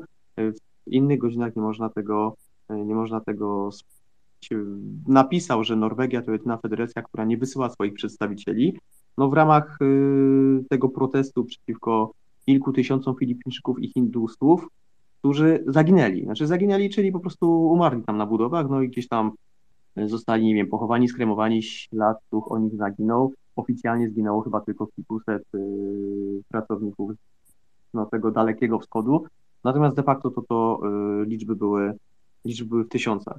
Na przykład Anglicy wystosowali listę zakazów i nakazów dla y, żon piłkarzy. Są wśród nich prohibicja, apel o stosowny ubiór, zakaz selfie, to też jest e, bardzo istotne, no głównie w pobliżu budynków rządowych, ale zawsze ta policja katarska może się przyczepić. Stadiony mają być klimatyzowane. Akurat Polska będzie grała na stadionie dwa mecze, który nie jest klimatyzowany, ale to też jest jakiś stadion kuriozum, bo on jest zbudowany z kontenerów i ma być po mistrzostwach rozebrany. Co do klimatyzacji, to drużyny, które grywały na takich stadionach, często narzekały na przeziębienia, na bóle głowy, na stany podgorączkowe, bo y, to jednak nie jest naturalne środowisko. Co innego hala y, sportowa, która jest y, no, totalnie zamkniętym budynkiem i klimatyzatory są tak rozplanowane, że to wszystko tam jest ok, ci siatkarze, koszykarze dają radę. Natomiast taki stadion no, nie bardzo się, nie bardzo się sprawdza. Jeszcze z takich innych absurdach, absurdów, na przykład obsługa kelnerzy w restauracjach, widząc parę, zwracając się będą wyłącznie do mężczyzny i kobietę będą traktowali jako, e, jako jego własność. E, tak sobie przewijam, żeby to wszystko, tego wszystkiego nie czytać. E, to jeszcze mówiliście tutaj o, o, o FIFA, o tych łapówkach, no to tak mi się skojarzyło, czy skojarzyło.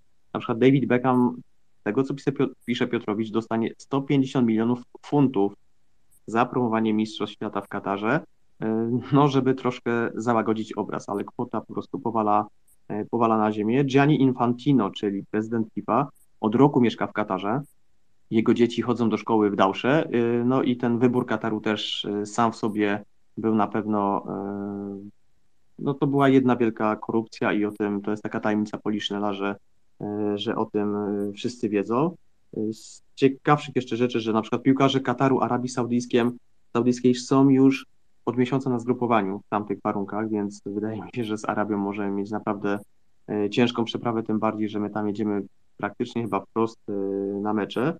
E, a, kolejny, to już ostatnie, żeby, żeby nie przedłużać. Tak? Kolejny z zakazów na nadchodzącym mundialu dotyczy. Miejscowa policja ostrzega zagranicznych kibiców, że tylko seks małżeński jest dopuszczalny. Inaczej za złamanie obowiązującego prawa grozi aż do 7 lat więzienia, angielska prasa prosi kibiców o rozwagę. No i to y, takich y, malutkich tutaj kwiatków to jest kilkadziesiąt, które ten Piotrowicz napisał, to jak ktoś z Was ma czas, można sobie poczytać. I żeby nie przedłużać, to jeszcze ostatnie, co mi się skojarzyło, znaczy to, co mówiliście o rozgrywaniu mundialu w kilku krajach. No ta Kanada, Meksyk, Stany to będzie, to będzie trochę parodia według mnie. No ale to, to, to zobaczymy, bo Euro ostatnie, które było rozgrywane no rok po pandemii, no bo jednak nie dało się go rozgrywać w 2020 roku, było i jest do tej pory mm, bardzo źle wspominane przez, znaczy z tego, co ja słyszę ze strony dziennikarzy sportowych, piłkarskich. Zarówno ze strony dziennikarzy, jak i ze strony sportowców, nawet nie tyle dlatego, że byli co chwilę badani, testowani na COVID-a, tylko te podróże po całej Europie były, e, były męczące i w zasadzie nie czuło się tej atmosfery euro, która y, nawet jeżeli robił ją razem Belgia z Holandią, nawet jeżeli ją robiła Austria ze Szwajcarią, czy Polska z Ukrainą, no to jednak był była taka otoczka. No, mam, wydaje mi się, że wszyscy pamiętamy, jak w Polsce, jaka to była euforia i naprawdę tutaj ja mieszkając w Krakowie czułem, no czułem dlatego, że może tutaj kilka reprezentacji było w okolicy, Anglicy mieszkali w zasadzie na samym rynku, więc yy, no, to, to, to była taka yy, atmosfera wielkiego narodowego polskiego i ukraińskiego pewnie też święta, a to euro w całej Europie od Baku, nie wiem gdzie był ten stadion najdalszy, czy w Porto, już nawet nie pamiętam, no to był, był absurd, więc tutaj wszyscy się cieszą, że kolejne euro będzie w jednym kraju, w Niemczech, który jest świetnie skomunikowany, scentralizowany i tam wszystko jak zawsze jest pewnie na najlepszej jakości, więc tak Kanada, Meksyk, Stany to też może być trochę trochę bolesne, no ale to daleka, daleka droga jeszcze przed nami. Najpierw się zakwalifikujmy na, na euro, co teoretycznie wydaje się łatwe, ale praktycznie w Polsce nic łatwe nie jest. Dobra, rozgadałem się. Dzięki, oddaję głos. Dziękuję autorze, bardzo fajne info, super, dobrze się słuchało, dziękuję Ci bardzo. O Katarze jeszcze zrobimy program, bo jeszcze do 20 listopada jeszcze trochę czasu, także na pewno pod kątem mm, takiego, mm, takiej analizy, ale czysto sportowej, to zrobimy taki program w, w którymś z niedzieli, z niedziel, w którymś, w w którymś z niedziel. Eee, Januszu, zapraszam Cię, bardzo proszę. Dzięki bardzo, to ja na koniec, bo muszę zmykać, to jeszcze chciałem zająć Wam chwilę i wrac- wrócić do ruchu olimpijskiego, bo zdominowaliśmy trochę ten czas, jeżeli chodzi o piłkę nożną, a w ruchu olimpijskim też dzieje się sporo ciekawego. Te portale, które piszą o tak zwanym business sport industry, no, mam ich kilka w ulubionych, jak będziecie chcieli, to, to zapraszam na DM-a podnoszą takie urealnione prognozy, co się może z olimpiadami wydarzyć w najbliższym czasie i zacznę od olimpiad letnich. Jest bardzo mocny postulat zarówno tradycyjnego ruchu olimpijskiego, jak i sponsorów oraz stacji telewizyjnych i platform streamingowych, aby rozdzielić olimpiady letnie i organizować dwie odrębne imprezy. Pierwsza nazywałaby się Olimpiada Classic, co byłoby, co byłoby olbrzymią szansą przywrócenia dyscyplin, które zostały wycofane z programu Igrzysk ze względu na złą kategorię pod transmisję. One po prostu są za długie, nie mieszczą się w ramówce, nikt tego nie chce oglądać i psioczą telewizję. I drugi rodzaj olimpiady to byłaby olimpiada modern, czyli tam byłyby wszystkie te nowe rzeczy. Ja tylko przypomnę, że do sportów olimpijskich w ostatnich latach zaliczono na przykład breakdance. Za chwilę będziemy mieli też tam taniec towarzyski, a jeżeli macie dzieciaki lub w waszych miastach są skateparki, to pewnie widzieliście, jaki jest hype na, na, na ruch skate'owy, jeżeli chodzi o hulajki. Moim zdaniem za moment będziemy mieli tę dyscyplinę e, albo te, te małe rowery do akrobacji w programie. I tych sportów, które nie mieszczą się w takiej regule klasycznego pojmowania sportu, będzie przybywało w najbliższych latach, no bo też producenci sprzętu napędzają różnego rodzaju mody i one miałyby być lokowane właśnie w tych igrzyskach modern, w tych nowoczesnych, a klasik byłby klasikiem. I wtedy kalendarz mniej więcej wyglądałby tak, widziałem taką grafikę, wizualizację, że w zależności od tego, jak wyglądałby koszyk sponsorski i jakie byłoby pokolenie sportowców, mogłoby być to rytm modern, klasik i paraolimpiada, bo przypomnę, że jeszcze mamy ruch osób niepełnosprawnych i dysfunkcyjnych, jeżeli chodzi o, o poruszanie się oraz zmysły, lub odwrotnie. Zaczynałoby się od olimpiady klasycznej, w środku mógłby być modern, a na końcu paraolimpiada.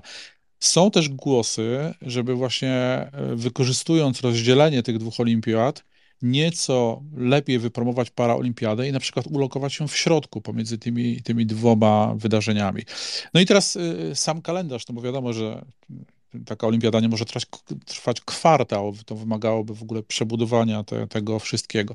Bardzo mocno napierają na to e, producenci sportowi, którzy mają porozdzielane dywizje biznesowe i produkują sprzęt dla bardzo różnych aktywności. W prostej kategorii soft drinków e, też mamy różne pozycjonowanie, więc tutaj ci, ci sponsorzy po prostu chcieliby się bardzo mocno eksploatować i eksponować na, na nowych, na nowych e, arenach sportowych. E, oczywiście telewizja, oczywiście platformy streamingowe i nowe platformy, które będą powstawały. no pewnie tutaj kibice obserwują, wiecie, że w kolejce poprawa większych lig piłkarskich stoi Amazon, stoi Facebook, stoi, stoi TikTok, e, więc to, to jest po prostu smakowity kąsek. I to, w ogóle to jest bardzo ciekawe, to, te, te, te publikacje i te, na razie to jest dyskusja, ale skoro ona jest tak już konkretna, że się pojawiają wypowiedzi mm, biznes menadżerów z firm, pokazuje mniej więcej, jak to będzie lub mogłoby to wyglądać. E, ja no, pewnie z racji wieku doświadczeń mocno kibicuję tej wersji klasycznej, bo na niej zostaliśmy wychowani, ale też rozumiem, że te nowe sporty albo te nowe mody sportowe, bo to chyba tak bardziej trzeba powiedzieć, yy, chciałoby też dostać się do, do ruchu olimpijskiego, więc no, trudno mi sobie jako klasycznego kibica wyobrazić rywalizację o złoty medal olimpijski w kategorii breakdance, ale gdybyśmy mieli, nie wiem, po 11, po 12 lat, może byśmy inaczej patrzyli na ten świat, czy tam te wszystkie double yy, flipy robione na, na hulajce. E, no, tak, tak to wygląda, e, jeżeli chodzi o ruch olimpijski. Na razie dyskusja dotyczy tylko tej letniej e, wersji, no bo chyba w tej zimowej aż tak drastycznych zmian w ostatnich latach nie było i ona co do zasady cała jest klasyczna. Tam chyba są jakieś akrobacje na deskach, ale no nie pojawiło się tak dużo takich nowoczesnych ruchów. To tyle, Mateusz. Przełączę się na, na publiczność. Dzięki bardzo. Mhm, dziękuję Ci bardzo, Januszu. Jak zwykle worek wiadomości fajnych. Jeżeli chodzi o e, Igrzyska Letnie, to już jest e, deskorolka e, w programie chyba od 2021 roku. No i tam z ciekawostek mogę powiedzieć, że medalistkami zostały 13, 13 i 16 latki. Także tak naprawdę też ciekawa, ciekawy, ciekawy zabieg, bo być może jest to jakiś ukłon w kierunku młodzieży, żeby bezpośrednio zaatakować e, młodzież właśnie tą dyscypliną, w której, e, w której tak naprawdę dzieci się, się specjalizują, są najlepszymi na świecie. No. Niesamowita sprawa. E, I jakby tutaj tak dużego zagrożenia nie widzę, mm, jeżeli chodzi o zmianę troszeczkę punktu widzenia. Mm, a ten pomysł o tym, o tych jakby klasyk i modern, o, o, takich rozwiązaniach, jeszcze bardzo by mi się podobało tak naprawdę pozbycie się złudzeń, że, e, że sportowiec nie jest zależny od sprzętu. Jedną z, jedną z, jakby z imprez zrobiłbym e, tak, żeby faktycznie nie było, nie było jakby najważniejszym, najważniejszym celem sportowca jednak przekroczenie tej tam magicznej bariery, na przykład nie wiem, e, rekordu na, na, na 100 metrów, tylko właśnie honorowanie wszystkich tych rzeczy, o których mówiliśmy na samym początku, tak? Czyli tej całej idei, idei olimpijskiej olimpijskich wartości, które tak naprawdę w dzisiejszym e, sporcie przepełnionym komercją i, i polityką ja niestety nie widzę. A jeżeli do tego dołożymy właśnie wyścig technologiczny, gdzie tak naprawdę wystarczy, że e, jeden ze sportowców użyje e, magicznych butów i dzięki temu będzie szybszy, mm, to troszeczkę też moim zdaniem zniekształca mm, odbiór tego typu imprez. Arturze, zapraszam Cię. Dzięki. E, nie powiedzieliśmy jeszcze, ale to mm, umówiliśmy się, Mateusz, chyba wczoraj z pozostałymi, że o dopingu porozmawiamy, ale ja ostatnio miałem ciekawą rozmowę, że e, będzie odchodzono od klasycznego dopingu kosztem dopingu genetycznego. E, to było ostatnio na, na takim dosyć mocnym panelu poruszony temat. Ale to tylko tak nadmienię jako ciekawostkę, że, że sport zmierza w kierunku dopingu genetycznego zarodkach też jest kombinowany ponownie. A, a wracając do tych naszych tematów, no to, to, to, to troszeczkę odbiegliśmy od tych etycznych, moralnych yy, spraw i, i powiem Wam szczerze, że yy, z tego, co tutaj słucham i wy, wy się wszyscy wypowiadacie, to yy, ja zdaję sobie sprawę chyba, że ja za stary jestem już, na, na jakiekolwiek yy, eksperymenty i tak dalej i chyba zostanę jednak w tym świecie Piera de Coubertena z tamtymi wartościami i, sport to dla mnie będzie no, po prostu no, tak jak kolejna stacja telewizyjna, którą jak będzie mi się chciało, to będę oglądał, jak nie będzie mi się chciało, to nie będę oglądał i będę koło tego przychodził obojętnie, bo, bo naprawdę, no ja jakieś tu no, a, a to są fakty, bo wy podajecie fakty, prawda? To, to po prostu jakiś dramat. No, przemyślałem przez chwilę i już straciłem w ogóle wenę twórczą na, na rozmowę. Sorry, ale ja jestem starej daty.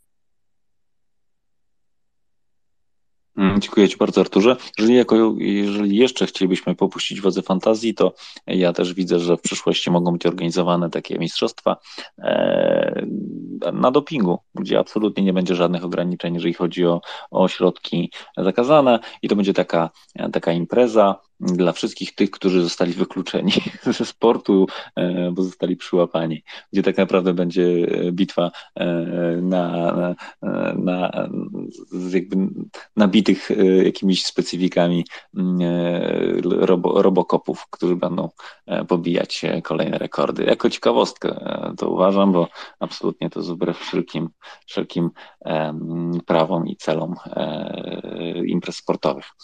Przesuńmy się troszeczkę dalej. Czy tak naprawdę sportowiec e, może e, oprócz wyrażania e, sprzeciwu, ubierania koszulki z czarnym paskiem, czy może zrobić cokolwiek innego? Czy znacie jakikolwiek przykład, kiedy sportowiec nie decyduje się na start na tego typu imprezie?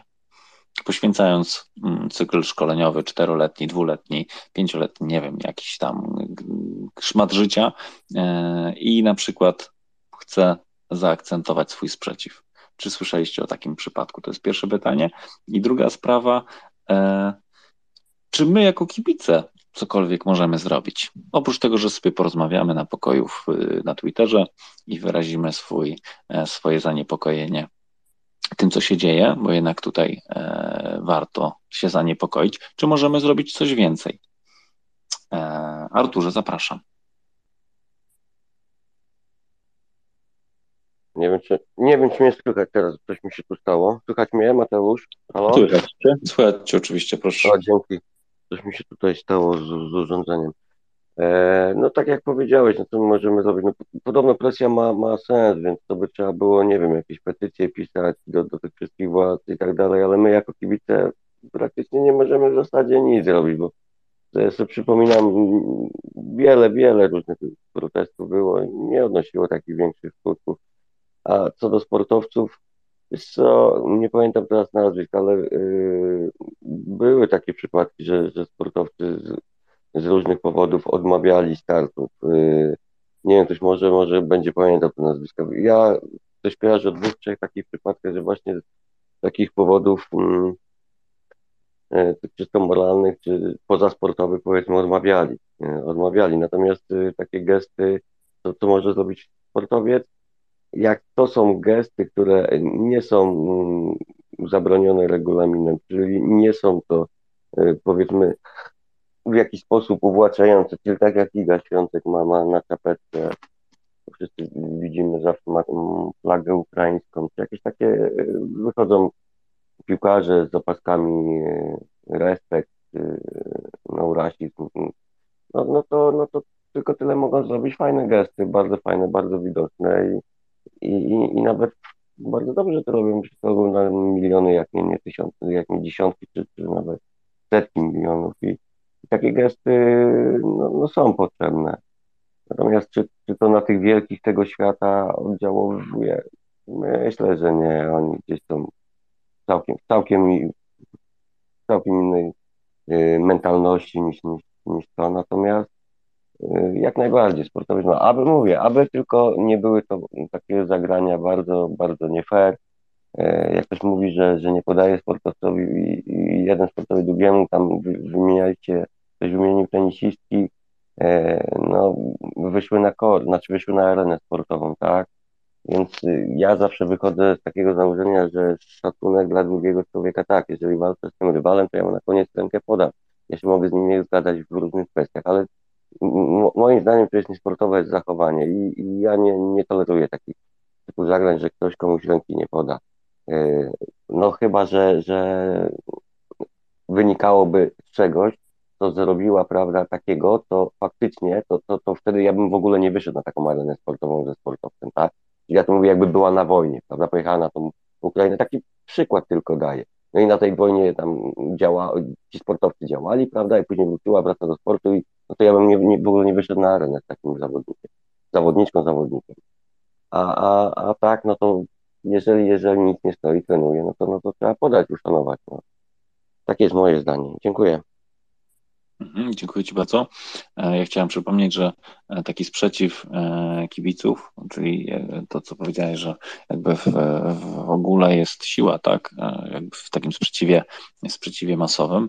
Ja chciałem przypomnieć, że to, co powiedziałem wcześniej, że w dniu otwarcia Igrzysk w Pekinie 2022 243 organizacje wezwały rządy sponsorów, sportowców aby nie, nie legitymizować łamania praw człowieka. I to się nie spotkało z żadnym odzewem, bo jakby po takich, mm, po takiej skali jakby sprzeciwu, mm, teoretycznie każdy by się spodziewał, że jednak jak ktoś się zreflektuje, mm, ale niestety jakby no nie słyszałem o tym, żeby, żeby ktokolwiek oprócz wyrazu sprzeciwu, e, bądź też niezadowolenia, bądź też e, troski, e, cokolwiek zrobił jeżeli Amnesty International e, jakby publikuje raport, w którym jest wprost napisane o tym, że e, w Chinach jest, nie wiem, brutalne traktowanie e, opozycji, nie ma dbania o prawa do zgromadzeń, do prawa wolności wypowiedzi, jest cenzura i nikt sobie, nikt sobie z tego nie robi.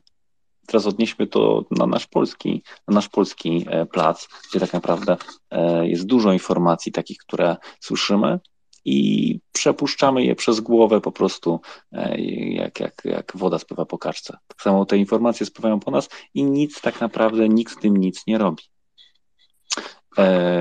Sportowcy mm, ciężko, ciężko to ocenić, bo tak naprawdę chciałbym poznać Wasze zdanie, czy Waszym zdaniem oni są użyci jako narzędzie e, choćby e, przez Kreml, e, używani jako, jako narzędzie do tego, żeby się wepchnąć na tą arenę międzynarodową, żeby Kreml mógł udowodnić, że, że coś go jednak z tym Zachodem łączy, czy z drugiej strony powinni jakby zapobiec używaniu ich jako, jako narzędzia promowania terroryzmu, bo ciężko, ciężko jakby to, to opisać. Ja jestem bardzo ciekawy, co wy. Paweł, potem Ania, a potem Piotrowski. E, znaczy ja bardziej chciałem na twoje tam pierwsze pytanie tam odpowiedzieć, czy my jako kibice, e, czy my jako kibice możemy coś w tym zrobić. No uważam, że paradoksalnie możemy zrobić wszystko, bo cały ten biznes się kręci dla nas i wokół nas. Przecież nie byłoby Mistrzostw Świata, nie byłoby FIFA, nie byłoby UEFA, nie byłoby Roberta Lewandowskiego, gdyby, gdyby ktoś tego nie oglądał, nie kupował chipsów, lejców, które są, które płacą pieniądze, że mogą być reklamowane w przerwach tych meczów yy, i wiele, wiele innych aspektów. Czyli tak naprawdę to wszystko się kręci, bo my za to płacimy w ten lub w inny sposób. Teraz tak, wydaje mi się, że Wystarczy, żeby to ktoś dobrze zapromował. Czy, czy nie wydaje wam się, że gdyby na przykład Robert Lewandowski, znaczy ja przepraszam się czepię Roberta Lewandowskiego, tylko mówię to po prostu jako przykład, jako przykład zawodnika rozpoznawalne, rozpoznawalnego. Czy jeżeli Robert Lewandowski by dzisiaj jako gwiazda światowego formatu, top, top 5 światowej piłki by wszedł na konferencję prasową, by powiedział, przytoczyłby mniej więcej to, co mówił Janusz, na temat tych tysięcy ludzi, którzy na tych stadionach i by powiedział dwa proste zdania. Nie zagram na murawie, na której zginęły setki ludzi budując ten stadion i o których nikt nie pamięta i tak naprawdę nie wiedzą, nie wiadomo gdzie oni są, bo, bo terrorystyczne czy tam mm, władze tego kraju po prostu to ukrywają. Zapraszam Was do hashtagu nie dla Kataru. Słuchajcie, jeżeli on coś takiego by to podprowadził, by się skontaktował z kilkoma agencjami typu właśnie, które są rozpoznawalne, które mogłyby ten hashtag rozpromować, zaczęłaby się jakaś wielka akcja na, na TikToku, na Twitterze i tak dalej, czy to by na przykład nie mogło tego roznieść? Mogłoby to roznieść, bo my jako odbiorcy tak naprawdę to finansujemy. Yy, tylko tutaj się, zakra, tutaj się zakra, tutaj zahaczamy o tą właśnie poprawność polityczną, czyli my możemy coś lajkować, o czymś tam rozmawiać, mówić, że coś jest nieetyczne, coś, coś, ale, ale jakieś takie konkretne działania, no to, no właśnie, no to słuchajcie, no ja to, tym sportem troszeczkę się interesuję, ale tu jak zadałeś pytanie, czy był jakiś sportowiec, który, który zaprotestował e, właśnie e, brakiem udziału w jakiejś dużej imprezie, do której się przygotował 4 lata, to nie mogę sobie przypomnieć. Coś mi się wydaje, że, że czeski jakiś sportowiec.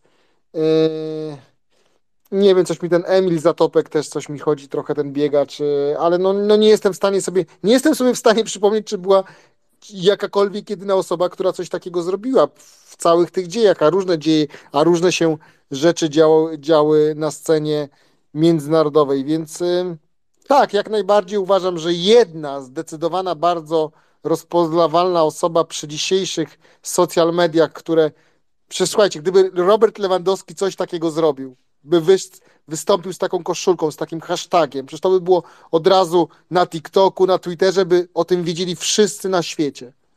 I mnóstwo tych ludzi, którzy chętnie coś klikają, lajkują i kochają przyrodę, koty i w ogóle jeżdżą na rowerze, może by w to poszli, tak? I może rzeczywiście i na przykład dodać taki hashtag Nike, czy, czy chcesz, żeby twoja reklama wisiała na stadionie, na którym zginęło set, no, tysiące ludzi, tak? Czy chcesz to sponsorować? Czy chcesz, żebyśmy my później kupowali koszulkę, która wisiała na stadionie, na, na której budowie zginęli bezpamiętni ludzie, tak? Którzy nie zostali nawet w jakikolwiek sposób. Możemy wszystko, możemy wszystko, tylko po prostu tylko musimy chcieć i ta osoba, która jest rozpoznawalna, musi mieć raz jaja, dwa chęci, nie wiem, trzy jakąś taką, no nie wiem, wrodzoną, naturalną empatię, a nie, a nie jakieś tam piękne kociki, hasztagi na Instagramie i wszyscy się kochajmy, alleluja. Dzięki. Mhm, świetna wypowiedź, Paweł. Bardzo, bardzo e, Ci dziękuję. To jest dokładnie to, co chciałem usłyszeć. To wlewa, wlewa nadzieję e, w serca nie tylko moje, ale myślę, że wielu słuchających, e, bo właśnie tak to powinno działać. Mm, dziękuję Ci bardzo. E, tymczasem Ania, mm, a potem Piotrowski. Witam Was, przysłuchuję się tutaj bardzo fajnej dyskusji. No, ja refleksyjnie. Decyzja o przyznaniu Katarowi praw gospodarza Mistrzostw Świata zapadła 12 lat temu i w zasadzie już od 12 lat trwają e, dyskusje dotyczące e, całej organizacji e, i różnych kontrowersji. Tak, tak jak wcześniej tutaj powiedzieliście, chodziło nie tylko o klimat i te nieznośne upały, no ale przede wszystkim zarzuty, że fatalne warunki BHP, fatalne warunki niewolnicze pracowników, którzy budowali stadiony, I właśnie to, co tutaj Mateusz powiedział, Amnesty International dwa lata temu wezwała Federację Piłkarskie do aktywnej kampanii przeciwko tym właśnie wszystkim działaniom, a przede wszystkim łamaniom praw człowieka. No ale co zrobiła Amnesty International w kontekście Twojego pytania, Mateusz? Podkreśliła w zasadzie, że celem tego raportu, bardzo obszernego, szczegółowego, E, nie jest w zasadzie e, nawoływanie do bojkotu, tylko egzekwowanie stosowania praw człowieka. E, I Amnesty International też jakby w jakiś sposób motywowała różne drużyny, federacje piłkarskie, kibiców do właśnie takiego nawoływania, żeby te warunki były poprawione.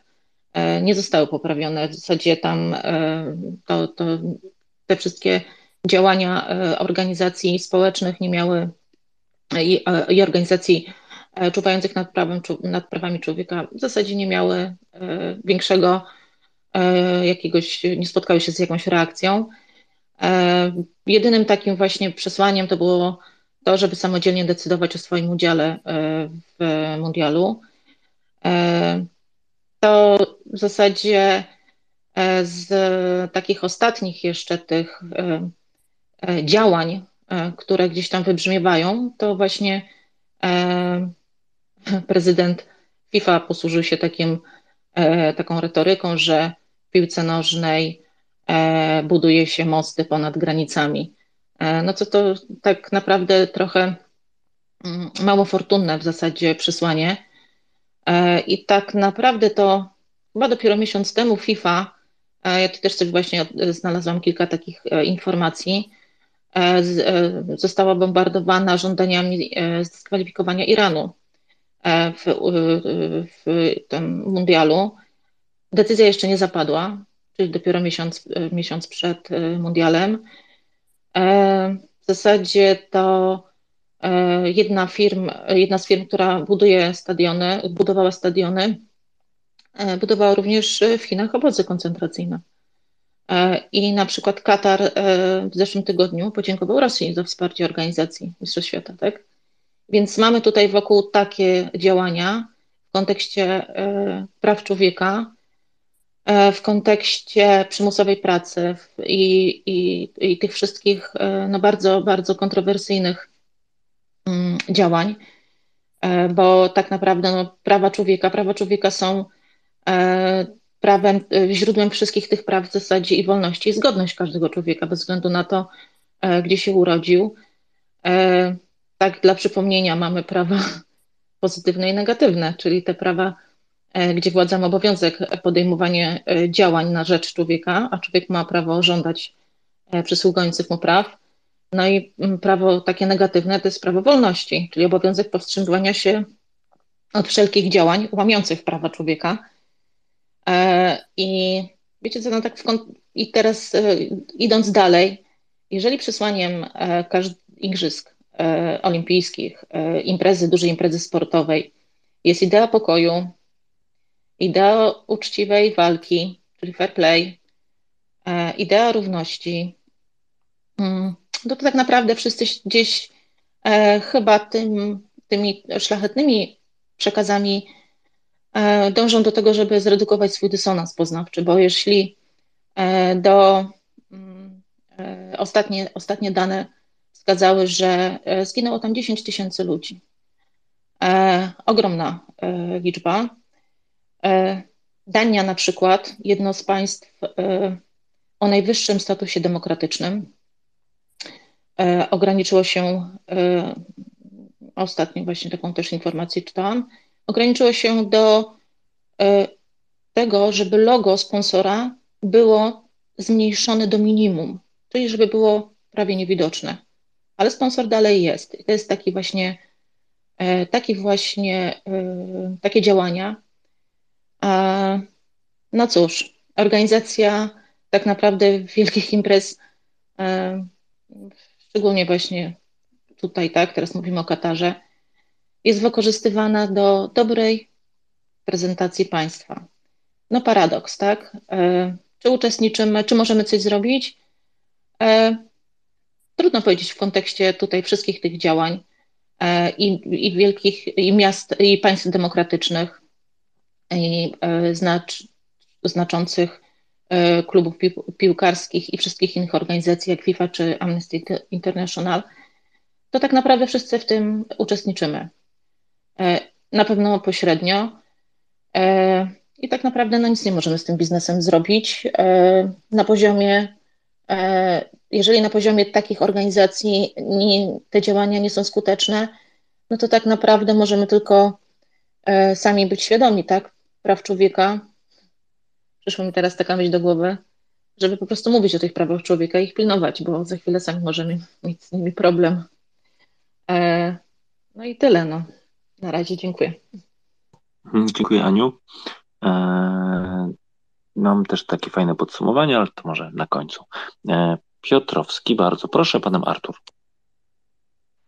Dobry wieczór. Mam nadzieję, że mi dobrze słychać. Mam nowe słuchawki. Bardzo dobrze. E, to cieszę się bardzo. Wiecie co, jak się przysłuchuję tej, tej, tej dyskusji, wszystkie stwierdzenia odnośnie e, organizacji mistrzostw w Katarze są prawdziwe jak najbardziej. Ja się pod tym podpisuję, jednak niestety w mojej opinii to są tylko doraźne działania, które mogą powiedzmy poderwać ludzi i gdzieś albo coś zablokować, albo coś przyblokować i sprawić, że powiedzmy albo te mistrzostwa, tak jak w przypadku e, bodajże mistrzostw świata w siatkówce zostały Rosji odebrane zostały przeprowadzone e, chyba w Polsce teraz, tak? Więc no to, to miało jakiś tam sens. Natomiast to są doraźne rzeczy, no bo odnośnie zachowania Rosji to nic nie zmieniło podejścia do tematu pieniędzy w sporcie, które w tej chwili rządzą tym sportem. E, powiedzmy to sobie otwarcie, podejście się nie zmieniło. E, sport nadal jest, tak jak wcześniej było, jest brudny, czyli jest pełen różnego rodzaju korupcji, jest pełen dopingu, jest pełen innych ciemnych rzeczy, o których nawet nie jesteśmy świadomi, o których byśmy nie pomyśleli nigdy, jak chociażby przypadek, przypadki molestowania seksualnego sportowców, czy, czy, czy też w polskiej, polskich, polskim sporcie są takie, mówiąc w cudzysłowie, grubym cudzysłowie, tradycje e, trenerów, którzy molestowali młode zawodniczki, e, na przykład w koszykówce. Było to parę, parę czy po, kilkanaście lat temu się to e, odbiło szerokim echem. Wracając do meritum. Pieniądze rządzą sportem, głównie dlatego, że myśmy na to pozwolili. Ludzie, myśląc o sportowcach jako jakichś bohaterach, tak, czy, czy, czy patrząc na sport przez pryzmat hmm, wielkich sportowców, którzy do czegoś doszli, nie mając w ogóle pojęcia, co to oznacza, bo, bo sport to są wyrzeczenia. Wyobraźcie sobie wspomniana Iga Świątek, ona dzieciństwa praktycznie nie miała, bo ona trening, na trening do szkoły, z treningu e, i na tym się opierało jej życie. Podobnie e, z, z siostrami radwańskimi, podobnie pewnie było z Lewandowskim, który na treningi poświęcał więcej czasu niż na szkołę. E, my tych e, sportowców idealizujemy, w związku z czym e, sponsorzy, którzy, bo najłatwiej jest przenieść prestiż sportowca na markę, skojarzyć ją ze sobą, bo to jest psychologia i ludzie kupują ten produkt i my myśląc o sportowcach jako, jako o, o, o herosach, jakby trochę, można powiedzieć, nie wiem, szukam dobrego słowa, ale my maltretujemy ideę sportu, bo sport miał być zdrowiem, a dzisiaj jaki, jaki sport wyczynowy ma cokolwiek wspólnego ze zdrowiem? Czy, czy, czy zdrowe jest trenowanie dwa razy dziennie po 2-3 godziny? No moim zdaniem nie jest to zdrowe. Nie wiem, czy widzieliście kiedykolwiek e, byłych wyczynowych sportowców, na przykład siatkarzy, w jaki sposób oni chodzą. Czy, czy, czy, czy starych kadrowiczów e, Huberta Wagnera, czy kiedykolwiek widzieliście, jak oni chodzą, jak oni, jak oni dzisiaj wyglądają. E, to, to, to nie ma nic wspólnego ze zdrowiem. Idea sportu została moim zdaniem mocno poturbowana tym, że, że zaczęliśmy e, sportowców e, utożsamiać z rolą, z rolą herosa. I, I, pojawiły się w tym momencie e, w sporcie duże pieniądze sponsorów, którzy nie oszukujmy się, oni na, na, tym zarabiają, że taki Lewandowski potrzyma jakąś paczkę czegoś i powie, że to jest dobre. Tak. E, I tak samo Katar, y, w Katarze mistrzostwa by się nie odbyły, bo Katar nie byłby zainteresowany imprezą, która nikogo, nikogo tak naprawdę nie interesuje i, i, i nie, jest na, nie jest na takim poziomie. Tak. Więc, więc te pieniądze rządzą w sporcie, dopóki będą rządzić, dopóty my będziemy myśleć o sportowcach jako o o, o takich herosach. I dopóki idea sportu, czyli promowania zdrowia, zdrowego trybu życia, takich może jeszcze w średniowieczu, chociaż nie w średniowieczu, w starożytności to było, że po prostu robiło się igrzyska, e, pojawiali się na, na stadionie sportowcy, ktoś tam czymś rzucił, kto rzucił najdalej wygrywał. I to byli po prostu ludzie, e, amatorzy, to nie byli jacyś tam E, e, sportowcy, którzy, którzy trenowali wyczynowo, którzy, którzy nie mieli innych zajęć. Taka idea sportu, ona ma, ma cokolwiek wspólnego ze zdrowiem, e, ma cokolwiek wspólnego z ideą współzawodnictwa, z fair play, bo kiedyś nikt nie myślał o tym, żeby brać doping, żeby robić jakieś, jakieś wały na sporcie, bo po prostu nikt z tego nic nie miał. I dopóki ze sportu ludzie będą coś mieli, to będą kombinować. Więc na dłuższą metę w tej chwili nic nie możemy zrobić. Co możemy robić, to pracować nad swoim myśleniem, żeby taki Robert Lewandowski, przykro mi to mówić, żeby taki Robert Lewandowski nie był dla nikogo wielkim idolem, żeby po prostu zwykłym człowiekiem, piłkarzem, który dobrze gra w piłkę. E, jeśli przestaniemy o tym tak myśleć, to za tym przestaną iść duże pieniądze. Zobaczcie, co się dzieje u nas chociażby w rodzimej ekstraklasie Przychodzą piłkarze z drugiej, trzeciej ligi hiszpańskiej, robią tu wielkie kariery za pieniądze, które, których Hiszpanii by nie zarobili. Poprawcie mnie, jeśli się mylę. E, I, I ten poziom ekstraklasy jest żenujący. Patrzę na zarobki piłkarzy, którzy kopią piłkę na poziomie takim, że nie da się tego oglądać, powiedzmy to sobie otwarcie. e, to, to, to, to mi się coś po prostu w środku przewraca. Oczywiście ja im dobrze życzę, niech zarabiają jak najwięcej, ale pytanie, czy akurat na sporcie powinni tyle zarabiać, tak? To, to zostawiam pytanie otwarte i nie zajmuję więcej czasu. Dzięki. Mm, dzięki Piotrowski. E, dobre rozkminy, podobają mi się. Jeżeli chodzi o to, czy sport to zdrowie, to kiedyś już o tym rozmawialiśmy. E, kiedy, skończy, kiedy kończy się zdrowie, a zaczyna się sport. to jest też ciekawa, ciekawa dyskusja. E, Artur, zapraszam Cię, a potem Paweł. Artur, Artur, mam prośbę puścić mnie, bo ja z psem muszę wyjść. Ja też, ale no dobra. Ja też. No to dawaj, ja, dawaj, ja, Paweł. Ja chwila, dawaj. chwila już uciekam. Yy, Piotrowski, zawsze na ogół się z tobą zgadzam, jak tam na różne tematy. Tutaj mam troszkę inne zdanie. Tu już kiedyś rozmawialiśmy o tym, czy, czy Iga Świątek najprawdopodobniej miała fajne dzieciństwo, no i tutaj konkluzja była raczej i moja, i większości, że jak najbardziej miała fajne dzieciństwo i to też przez to, że właśnie trenowała, mm, te dzieciństwo mogła mieć jeszcze fajniejsze i przez to, że miała jeszcze fajniejsze dzieciństwo, dzisiaj jest jeszcze bardziej fajną dziewczyną.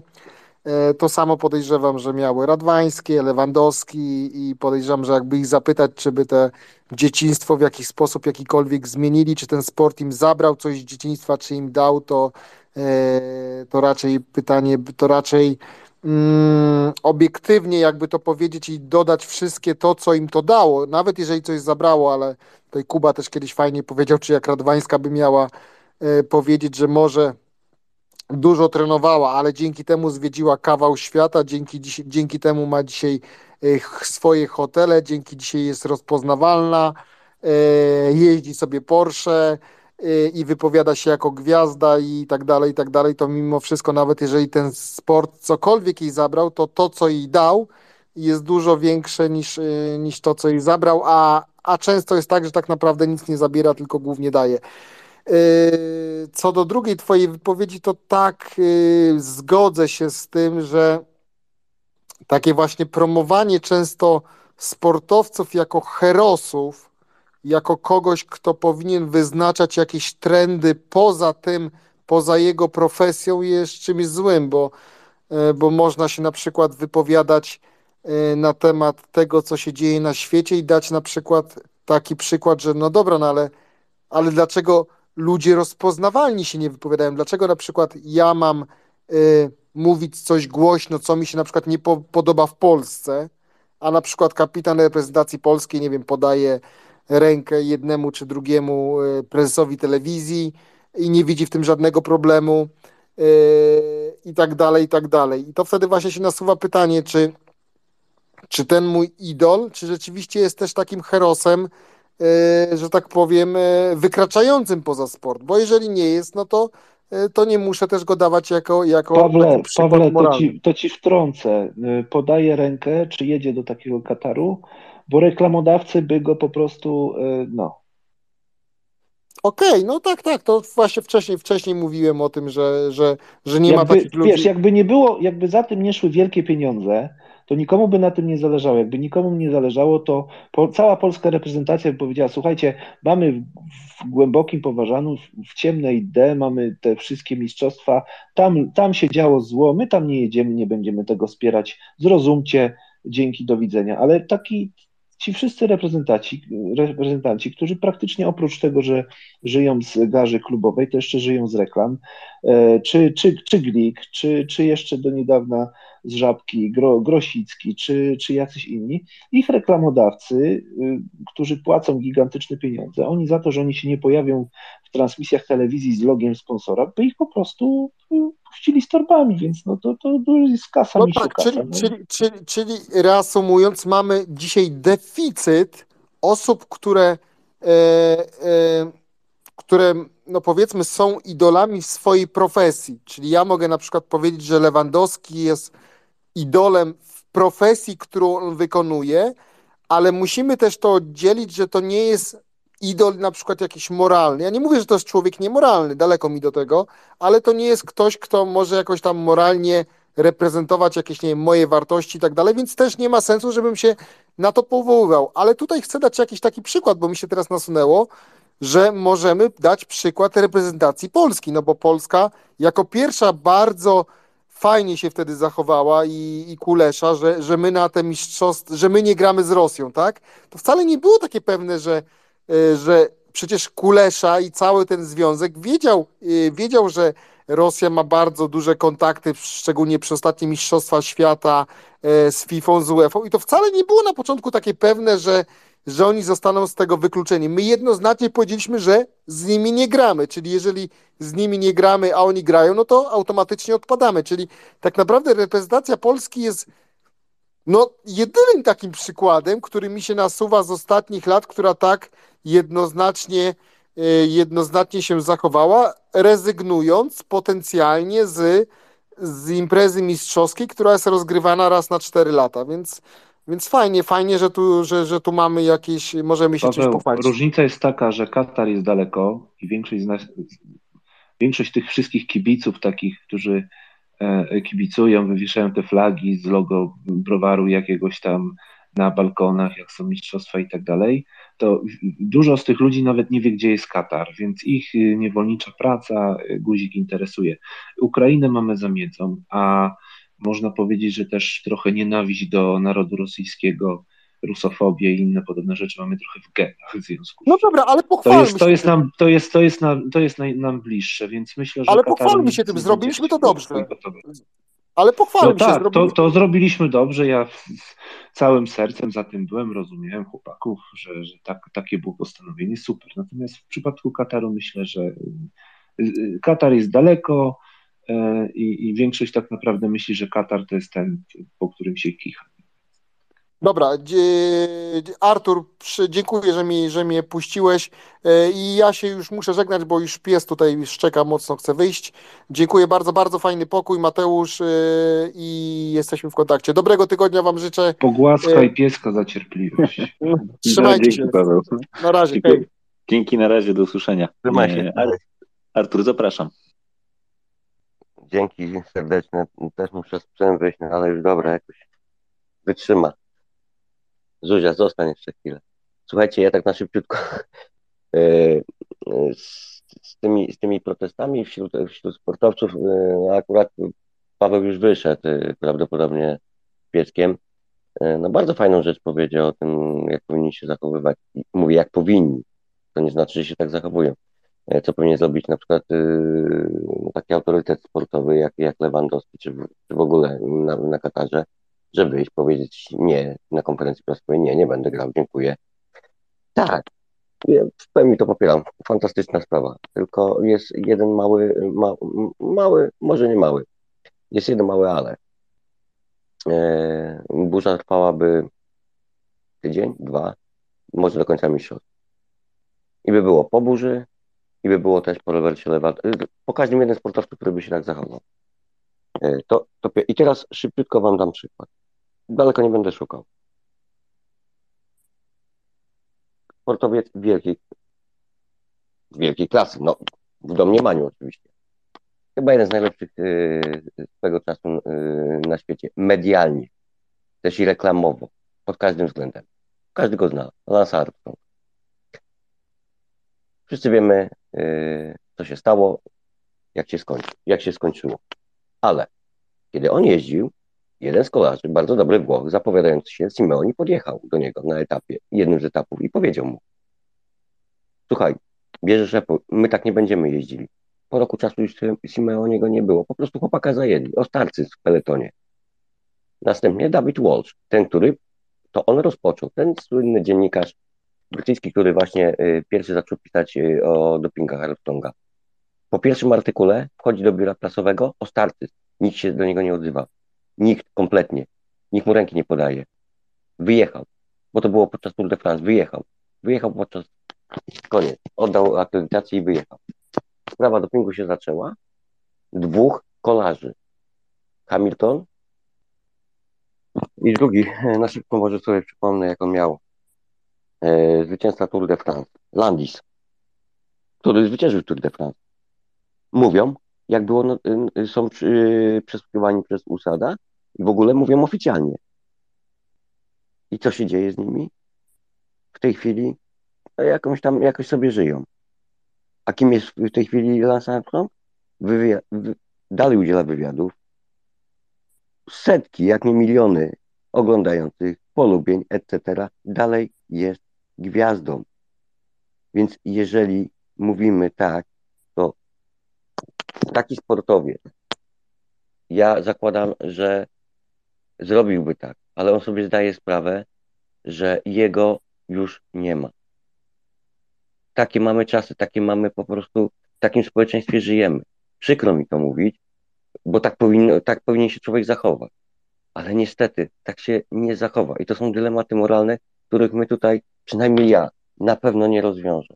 Każdy z nas, każdy z nas stoi przed takim dylematem, różnymi. Więc naprawdę, tu nie, nie znajdziemy chyba złotego lekarstwa na to. Dzięki serdeczne. Mhm, dziękuję Ci bardzo, Arturze. Mm, zmierzamy ku końcowi. Aniu, zapraszam Cię, e, a potem ja jeszcze chciałbym podsumować. Zapraszam. E, te dyskusje dotyczące decyzji sportowców przy różnych e, imprezach, dużych organizacjach, no to już kilka razy tutaj były. To jest taka, w zasadzie można powiedzieć, że to dylemat wagonika, tak? W takiej klasycznej tezie dylematu wagonika, że spowodowanie śmierci jednej osoby może uratować pięć innych, czy to jest moralne, czy nie. I myślę, że tutaj to w ten sposób się gdzieś to toczy, tak? Z jednej strony udział w takiej imprezie jest legitymizowaniem właśnie tych wszystkich strasznych rzeczy, to o czym rozmawialiśmy. Nie uczestniczenie w tej imprezie to jest no, rezygnacja z czterech lat ciężkiej pracy. Przy tym jeszcze można zawieść swoich kibiców. Dochodzą do tego właśnie te kwestie takie, no, takie patrząc z perspektywy, tak? Czy, czy jakie będą tego skutki. I to chyba też rozmawialiśmy o tym właśnie w kontekście wojny w Ukrainie, wykluczania sportowców rosyjskich, albo na przykład, czy jeden z piłkarzy, który ma żonę i dzieci w Rosji, tak, zrezygnował z grania w reprezentacji i mieszka w tej chwili w Moskwie. Więc to są takie życiowe dylematy, klasyczne dylematy wagonika i wydaje mi się, że będą, ile, ile będzie się toczyło dużo takich właśnie sytuacji, tyle te dyskusje też będą trwały. Nie wiemy do końca nigdy, jakimi kategoriami czy jakimi argumentami są podparte różne decyzje różnych ludzi. Musimy pewnie, nie mamy, i tak nie mamy wyjścia, możemy je ewentualnie uszanować, szanując prawa człowieka właśnie w takim kontekście, chociaż zawsze jest to jakiś no, pewnie trudny wybór, jest to jakiś też moim zdaniem paradoks. Natomiast ja bym chciała jeszcze się odnieść do właśnie kolegi, który wyszedł, bo ja tak lubię, jak ktoś coś powie i tak sobie wyjdzie. Paweł powiedział coś i poszedł, ale chciałam się odnieść do tego, co on powiedział. Nie, to nie jest tak, że dyskusje, które wcześniej się toczyły, zakończyły się te, tą, tą konkluzją, której powiedział. Każdy został przy swoim zdaniu.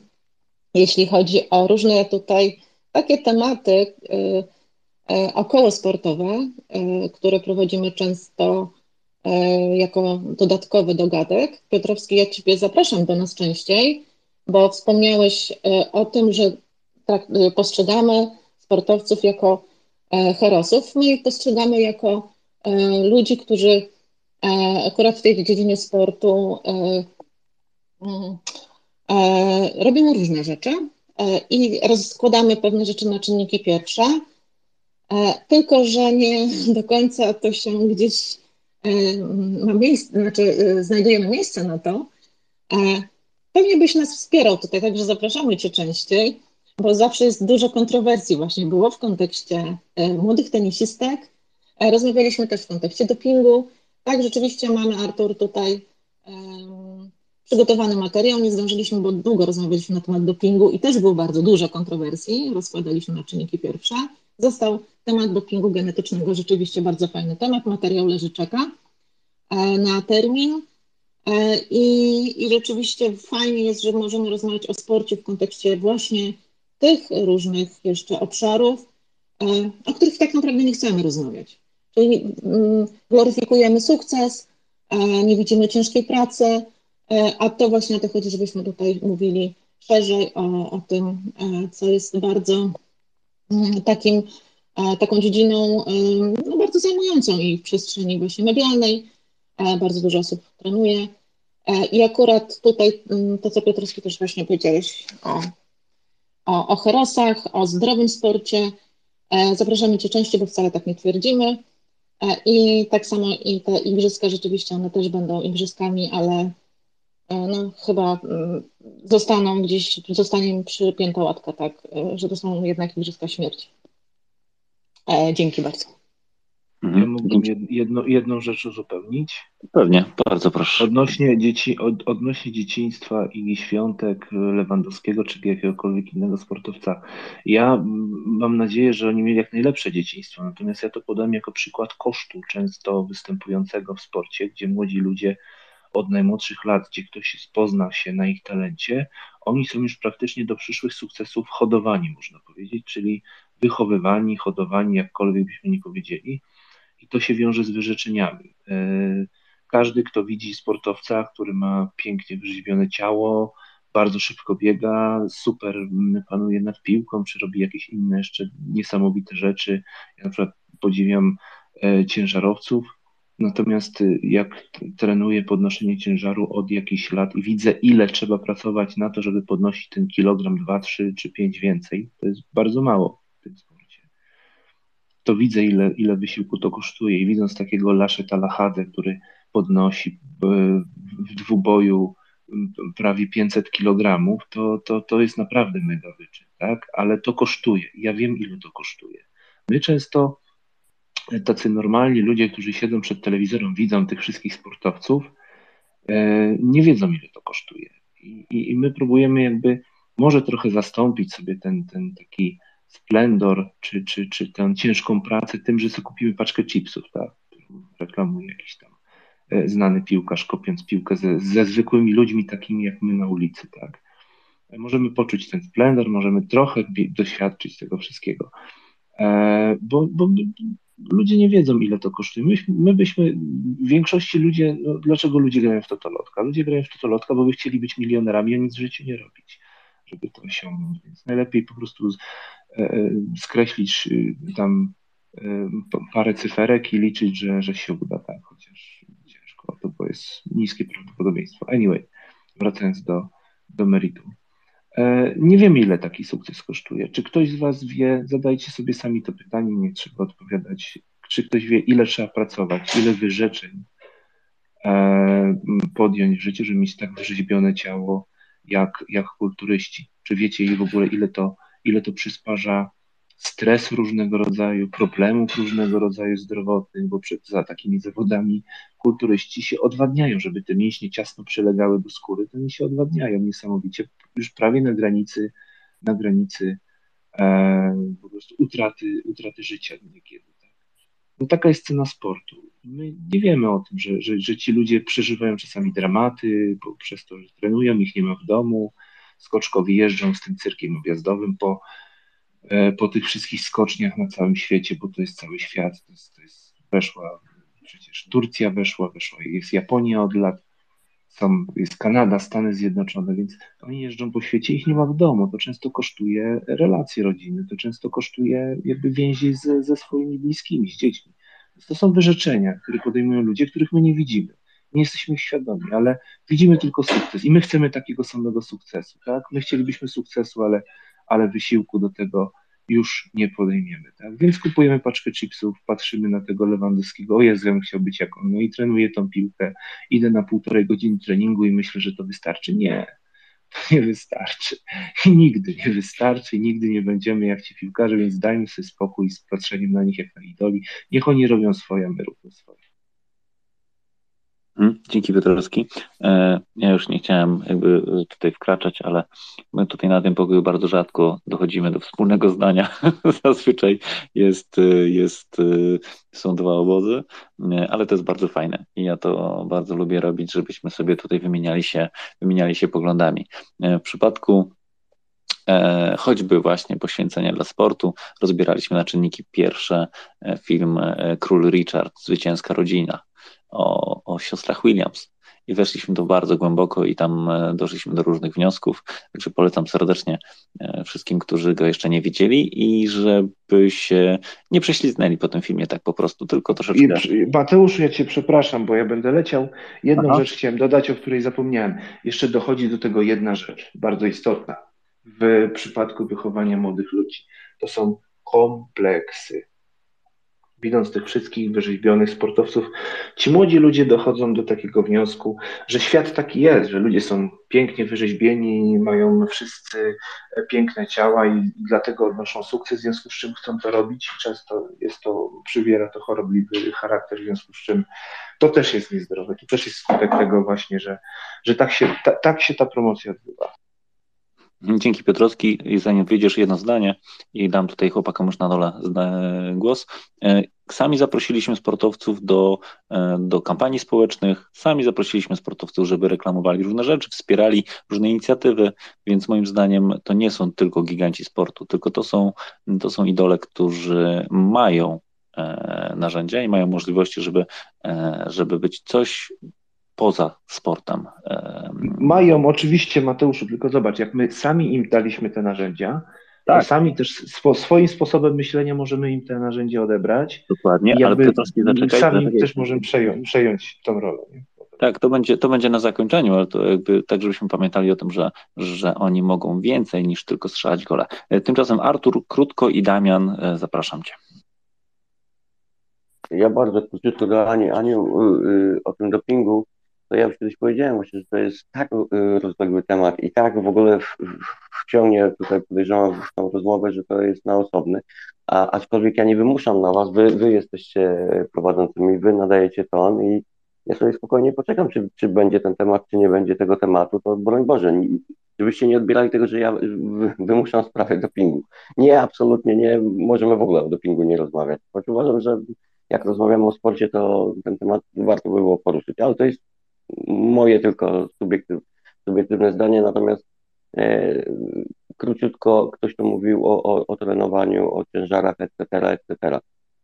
Chyba Piotrowski, o ile się nie mylę, to e, zaręczam Cię, e, że ja 20 lat kariery sportowej, bez żadnych większych sukcesów, poświęcony praktycznie wszystko. Ożeniłem się w wieku 30 lat, bo poświęciłem wszystko e, sportowi, dyscyplinie, którą bardzo kiedyś lubiłem. Później już w ogóle, od, a od parunastu lat w ogóle nie wsiadam na konie.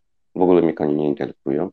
Więc ja to wszystko przerabiałem, ja to znałem. Ja do nikogo nie mam pretensji. Ja dalej uważam, że sport to jest jedna z najpiękniejszych dziedzin w życiu naszym, w społeczeństwie. Tylko chodzi tutaj o zasady i moralność. Natomiast co, kto, jak trenuje. A kompleksy to ja ci powiem z ostatnich y, takich życiowych obserwacji, y, gdzie jeszcze czasami sobie jeżdżę na zawody. To kompleksy mają, ale rodzice. Dziękuję. Mhm, dziękuję Ci bardzo, Arturze. Zapraszam Cię, Damianie. E, dobry wieczór wszystkim, cześć Wam. Pozdrawiam aktualnie ze Szwecji, w której przebywam. Tutaj na dwie kolejki przed końcem e, Ligi Szwedzkiej w piłce nożnej, która odbywa się systemem wiosna-jesień. E, no, bardzo bliski zdobycia jest Mistrzostwa Szwecji, zespół Haken e, z Göteborga. E, jak wiemy, jak niektórzy się interesują piłką, w Göteborgu jest też drugi klub, IFK, bardziej utyłowany. Natomiast tutaj właśnie ten mniejszy klub ma, ma szansę zdobycia mistrzostwa. Jest bardzo bliski, bo ma 6 punktów przewagi. Dlaczego tak nawiązałem do piłki nożnej? Bo tu widziałem, że, że trochę ta piłka nożna była poruszona, bo jestem od niedawna na pokoju. No i tak trochę chciałem nawiązać y, tym wstępem do, do tej dyskusji, przypuszczam, która tutaj jest chyba zawieszona trochę e, na górze, czyli, czyli blaski i cienie wielkich imprez sportowych, a jednocześnie do tego linka, który tutaj jest przez Janusza udostępniony. Ja osobiście uważam, że jakakolwiek dyskusja o tym, czy Mistrzostwa Świata w Katarze są E, etycznie e, prawidłowe czy nie, nie ma żadnego sensu, e, bo nie my o tym decydujemy, tak? Wcześniej, jak wiemy, FIFA decydowała, że mistrzostwa były tak samo w Rosji, były igrzyska w Rosji, były igrzyska w Chinach, były igrzyska zimowe w Chinach. Jakoś żadna organizacja międzynarodowa, czy to olimpijska, czy to piłkarska, nie miała żadnych problemów, bo no nie łudźmy się, piłka nożna, e, sport zawodowy, jest to dzisiaj biznes połączony z wielkimi korporacjami. I tak to wygląda. Decyzje zapadają w całkowicie innym gronie. Można poczytać o kulisach często wyborów y, państw gospodarzy, miast gospodarzy, y, jakie tam, można powiedzieć, właśnie były duże pieniądze w grze. Więc moim zdaniem dyskusja o tym, czy, czy piłkarz powinien, y, nie wiem, zrezygnować, czy sportowiec powinien zrezygnować z imprezy, której de facto on nie wybierał. On nie wybierał, gdzie ta impreza ma być. On trenuje całe życie on się przygotowuje do tej imprezy yy, i on tak naprawdę on nie myśli, czy on jedzie zagrać w Katarze, czy on jedzie zagrać w Rosji, czy on jedzie zagrać w Chinach. On po prostu jedzie zagrać, tak? On po prostu jedzie yy, zrobić to, co robi najlepiej w życiu, bo do tego się przygotowywał, tak? Więc ja osobiście uważam, że dyskusja na temat, yy, wiadomo, stoi za tym dużo, można powiedzieć, problemów, tak? Natomiast My na to nie mamy żadnego wpływu. My możemy się tylko emocjonować z tą sprawą sportową.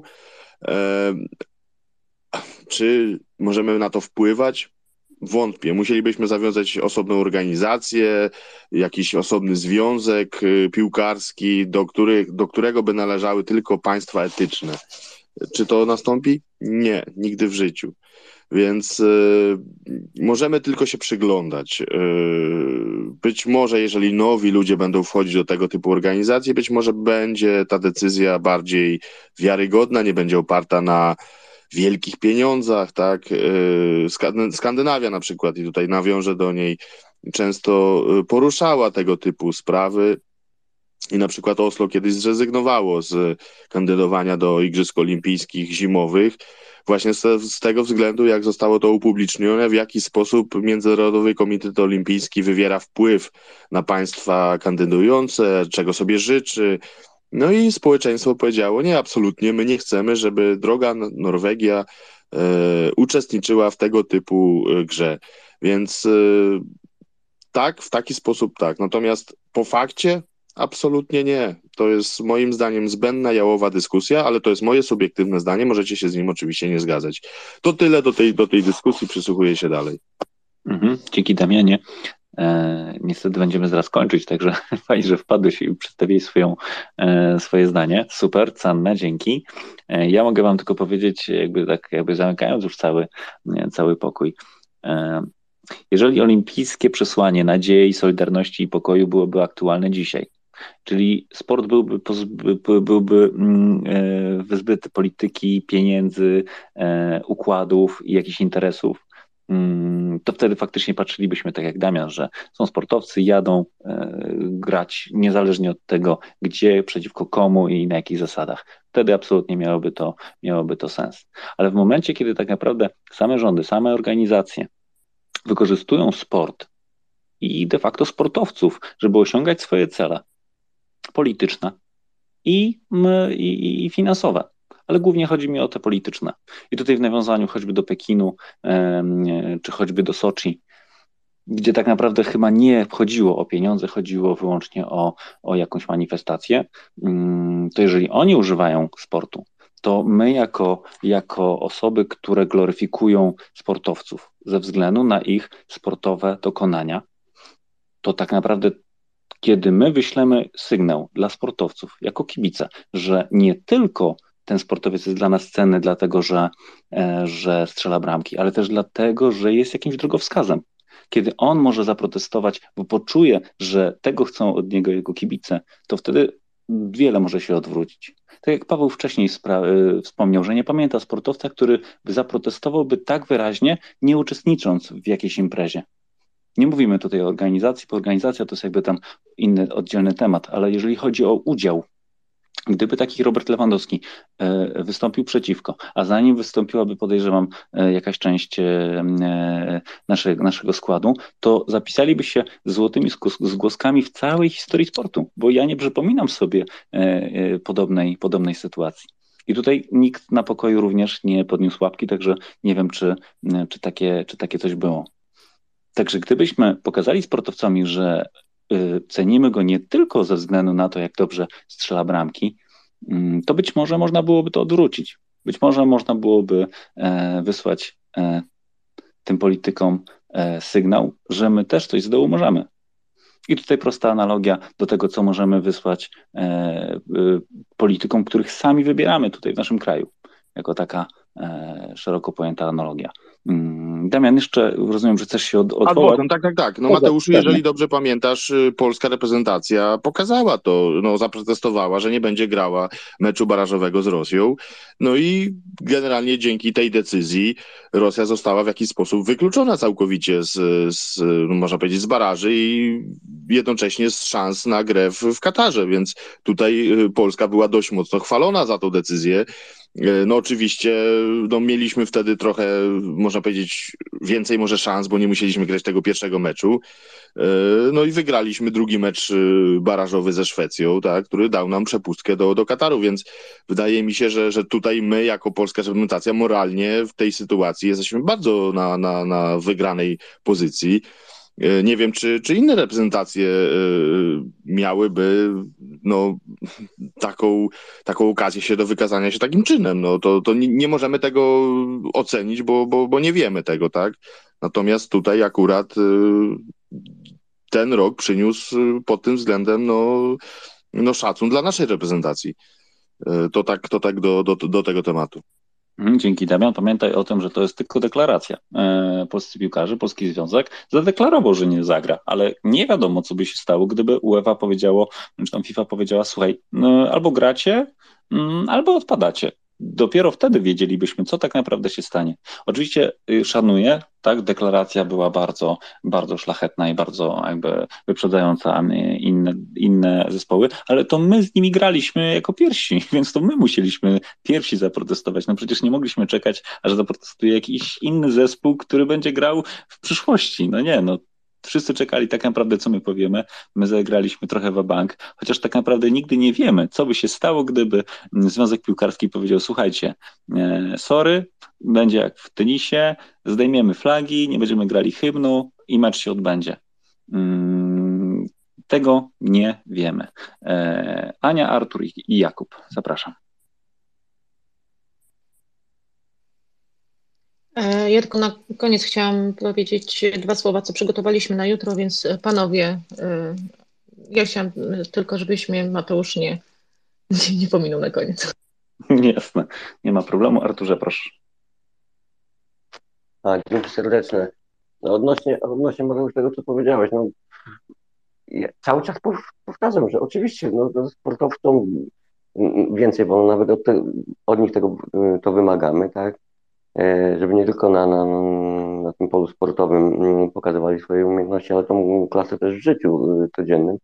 Tylko ja cały czas mam taki dylemat, że wiesz, no każdy sportowiec, zwłaszcza ten topowy, ma kontrakty podpisane indywidualne na ogromne sumy e, i, i podejrzewam, że gdyby taki, takie coś zrobił, to błyskawicznie, a pewnie w kontraktach mają zapisane różne, tego nie wiemy, tak, ale podejrzewam, że występ w Mistrzostwach Świata to adwokaci po prostu by mieli pożywkę, ja już nie mówię o kimś, adwokaci to by po prostu szalali tam, to pierwsza sprawa, mogliby takich sportowców puścić z torbami, tak delikatnie mówiąc, i znowu teraz wracamy, my się cały czas kręcimy w, w koło, bo znowu w, w grę wchodzą pieniądze, tak, bo, bo pieniądz, bo, bo pieniądz jest najważniejszy, tak, no bo sportowiec znowu straci, jak straci kontrakty, straci pieniądze, do tego dojdą prawnicy, do, do tego dojdą sprawy, etc., etc., więc mówię, ten temat to jest tak, my się cały czas kręcimy, kręcimy w, w koło, że e, ja mówię, ja nie ma złotego środka. Znaczy chciałbym sport taki, tak jak e, tu wszyscy mówimy, taki idealny, że ci sportowcy też wychodzą, mają coś konkretnego do powiedzenia, to poza arenami też mówią, ale to jest w dzisiejszych czasach to mi się wydaje, że to jest utopia. Chyba się nikt nie odważy. No, może się znajdzie, ale, ale ja takiego póki co to, to sportowca jeszcze nie widzę. Dziękuję. Mhm, dziękuję Ci, Arturze. Ja chciałem tylko dwie rzeczy dorzucić. E, choćby Robert Lewandowski, który e, zrywa kontakt z Huawei na grube miliony. Mm, troszkę może pod naporem kibiców, mm, a może po prostu sam doszedł do wniosku, że nie warto. Także tak naprawdę e, są kontrakty, które się po prostu zrywa. A druga sprawa jest taka, że e, najpierw w takich kontraktach pojawił się zapis o, o y, przypadkach losowych typu trzęsienie ziemi, huragan e, i tak tak powódź. Potem pojawił się zapis o tym, że w przypadku e, epidemii, mm, ja wiem dobrze, że takie, że takie zapisy są już umieszczane, że co będzie z realizacją kontraktu, jeżeli na przykład będzie epidemia typu koronawirus, tego typu. A teraz pojawiła się również, co się stanie, jeżeli jest e, e, prowadzone są działania wojenne. I te zapisy w dzisiejszych umowach już są. Oczywiście zabezpiecza je prawnik jakby sportowca, tak? Żeby sportowca nie postawić w jakiejś dwuznacznej sytuacji. E, I tak naprawdę już dzisiaj wszyscy są na to przygotowani. Oczywiście wiadomo, że wstecz wszystko się działo mm, bez tych zapisów, no ale to są tylko pieniądze. Mm, tak mi się wydaje. E, Jakub, zapraszam.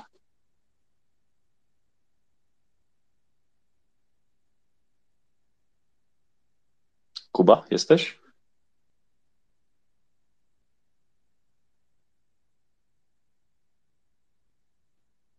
Dobrze, ostatnia szansa, ostatnie wywołanie. Zaraz cię odklepiemy. Trzy, dwa, jeden. Niestety. E, Aniu, w takim razie. O, poczekaj chwileczkę, sekundkę, sekundkę. Coś się tutaj pozmieniało.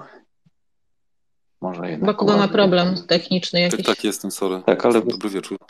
O, Słyszycie mnie? no, w ostatniej chwili. Proszę, słychać, Liczyłeś proszę. mnie prawie. Z- z- najpierw ci powiem, Mateusz, że mnie zeźliłeś swoim, swoim ostatnim wypowiedzią, ale do tego zaraz przejdę. Damian, e, ja ci odpowiem. E, Jesteś w dużym błędzie. Wiesz, kto decyduje o tym, gdzie odbędą się następne Mistrzostwa Świata, następna Olimpiada albo, albo co? Albo jakaś taka duża impreza? No właśnie ty. Właśnie ja, właśnie Ania, Mateusz, Artur, Paweł, wszyscy, wszyscy jak tutaj siedzimy. A wiesz dlaczego? Wyobraź sobie taką sytuację, że rozpoczyna się Katar, a ty bierzesz pilota i wyłączasz telewizor.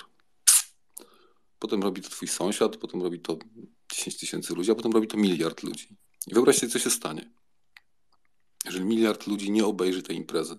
Gwarantuję ci, że wystarczy jedna taka, żeby ci ludzie, którzy o tym decydują, zatrzymali się na chwilę i zastanowili się, chwila, eee, czy to tak ma wyglądać. Albo nawet niech się nie zastanawiają. Niech stwierdzą, kurwa, ten biznes nam się nie opłaca, musimy to zmienić, tak? E, I e, to jest według mnie jedyna droga, żeby cała ta, e, cały ten, cały ten wór rzeczy, o których dzisiaj mówiliście, e, zmienić. Ale nam oczywiście wygodniej powiedzieć, wiecie co, nie? Niech Lewandowski wyjdzie do kamery i powie, ja nie gram. Najlepiej niech wyjdzie z Messi, Ronaldo i jeszcze, tam, wiecie, czterema innymi, nie? Mm, Ja sobie nawet to wyobrażam. Oni wychodzą i mówią, nie gramy. Nie gramy, mm, mamy to w nosie, bo tam umierają ludzie i w ogóle, nie? Wiecie co? O tym e, mówił chyba Paweł, mówił Artur, mówił Piotrowski chyba. E, Wiecie, dlaczego tego nie zrobią? A jeżeli to zrobią, to się nie uda? E, No, ja, ja mam pewną teorię. Mm, Ona się wiąże z ludzką naturą. Mm, Mówicie, mówicie, e, sport ma takie wz- wzniosłe wartości, ta czystość, ta, wiecie, ta wspaniała rywalizacja i tak dalej, i tak dalej, ma łączyć kraje bez granic i tak dalej, no, no fajnie. A Kościół to, wiecie, ma bronić maluczkich i, pomagać biednym. A, a film Sykielskiego to, to, to pokazał chyba trochę inny świat. A politycy to mają być najlepsi z najlepszych i, i wspaniali, e, wybitni, e, wybitne jednostki, które, prawda, są najlepsze z nas. A jacy są? I tak dalej, i tak dalej. Moż, można to mnożyć. Ja myślę sobie, że w swej masie my jako ludzie jesteśmy jacy jesteśmy. I generalnie, niestety, e, jakkolwiek to zabrzmi, skracając to do jednego zdania, bo jest 23.15, powiem, e, bo większość ludzi ma to w nosie. I tak myślę. Dzięki. No poczekaj, jeszcze miałeś podsumować moją wypowiedź. Ja jestem gotowy na A, to cios. jest, słusznie. To ja ci coś powiem, Mateusz. Przez półtorej godziny audycji e, od samego początku pada pytanie, czy pamiętacie jakąś, jakieś spektakularne zdarzenie drużyny sportowca, który mówi nie, ja nie biorę w tym udziału. Czekałem, czy pojawi się przykład polskiej reprezentacji. E, Pojawił się po półtorej godzinie mniej więcej. E, Ja szczęśliwie dla siebie pewnie, dlatego że futbol to wiecie, e, ja o tym pomyślałem e, szybko i naturalnie. Ale e, wiecie, co mi mówi ta sytuacja, te półtorej godziny?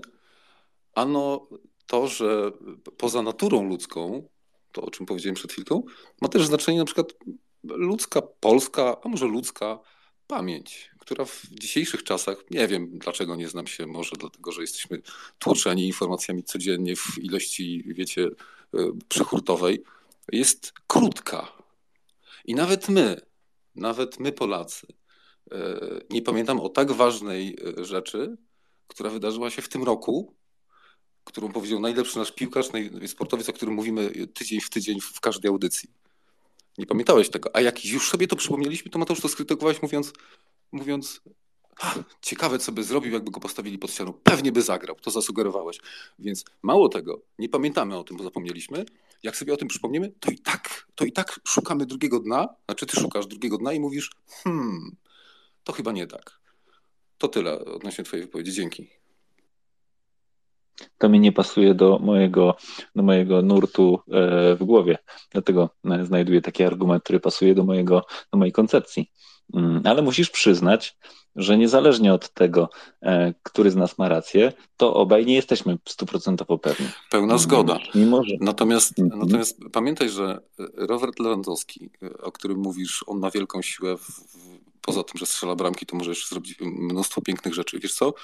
To prawda i pewnie robi. O niektórych wiemy, o niektórych nie wiemy. Ja mam do ciebie jednak inne pytanie. Czy ty naprawdę e, powierzasz tak wielką e, rolę w odpowiednie ręce? Czy ty naprawdę chcesz, żeby idolem, tym człowiekiem, który najpierw nauczy zdrowo żyć, potem nauczy rywalizować, a potem będzie w ogóle uczył o tym, jak powinien wyglądać świat, potem będzie uczył moralności. Jest piłkarz, jest e, koszykarz, jest siatkarz, Serio? Nie, ja tak nie uważam. Ja wymagam od piłkarza tego, żeby y, zabierał mnie w piękną podróż futbolową i pokazywał mi, wiesz, wspaniałe akcje i wiele emocji. Ja od niego nie wymagam, żeby on mówił ludziom, nie róbcie tego, bo to jest złe, e, nie, nie idźcie na wojnę, albo nie, ja tego od nich nie wymagam. Ja tego wymagam od mojego sąsiada, od ciebie, ode mnie, od, od wiesz, od, od, od ludzi mądrzejszych ode mnie, tak? Od tych, którzy po, powinni nam mówić, jak żyć. A nie od gościa, który za przeproszeniem ma, wiesz, ma, ma yy, prosto kopać piłkę. To jest moje zdanie, Mateusz. Dzięki. Mhm, dzięki, bardzo szanuję, ale e, wiem, że ideał sięgnął bruku i dzisiaj tak naprawdę ideałem nie jest e, mędrzec i jakiś, jakiś teolog, mm, e, jakiś wybitny ekonomista i tak dalej, czy lekarz, tylko dzisiaj ideałem e, jest celebryta. I możesz się z tym nie zgodzić, ale widać tak właśnie ktoś to policzył, że bardziej się opłaca inwestować w, w osoby, które są na topie aktualnie, i to one nam nadają kierunek. Sami zaprosiliśmy sportowców do kampanii społecznych, powtarzam to. Sami ich zaprosiliśmy. Swoją uwagą i swoim zaangażowaniem powiedzieć, o tak, Robert Lewandowski nie prowadzi y, pojazdu po pijanemu.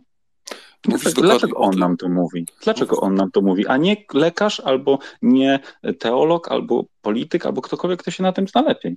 Stary, ale mm. mówisz dokładnie o tym, o czym ja mówiłem 5 minut temu, o, o, o ludzkiej mhm. moralności. Dlatego, że tacy tak. jesteśmy. Dlatego, że tak. w sprawach medycznych y, ważniejszy jest głos sąsiada tak, y, niż tak, profesora tak. na uczelni. Kropka. Mhm, tacy dokładnie. jesteśmy. Czy to jest dobre? Nie, to jest fatalne. Czy to jest fatalne. Tak, mhm. możemy to zmienić. Nawet mała świeczka rozświetla mrok, więc poprawiajmy to, co możemy poprawiać w, w świecie, ale nie stawiajmy Roberta Lewandowskiego w, w pozycji powiedz nam, czy e, e, e, to, co wyprawiało się w Katarze przez ostatnie pięć lat, gdzie ginęli ludzie, jest właściwe, czy nie.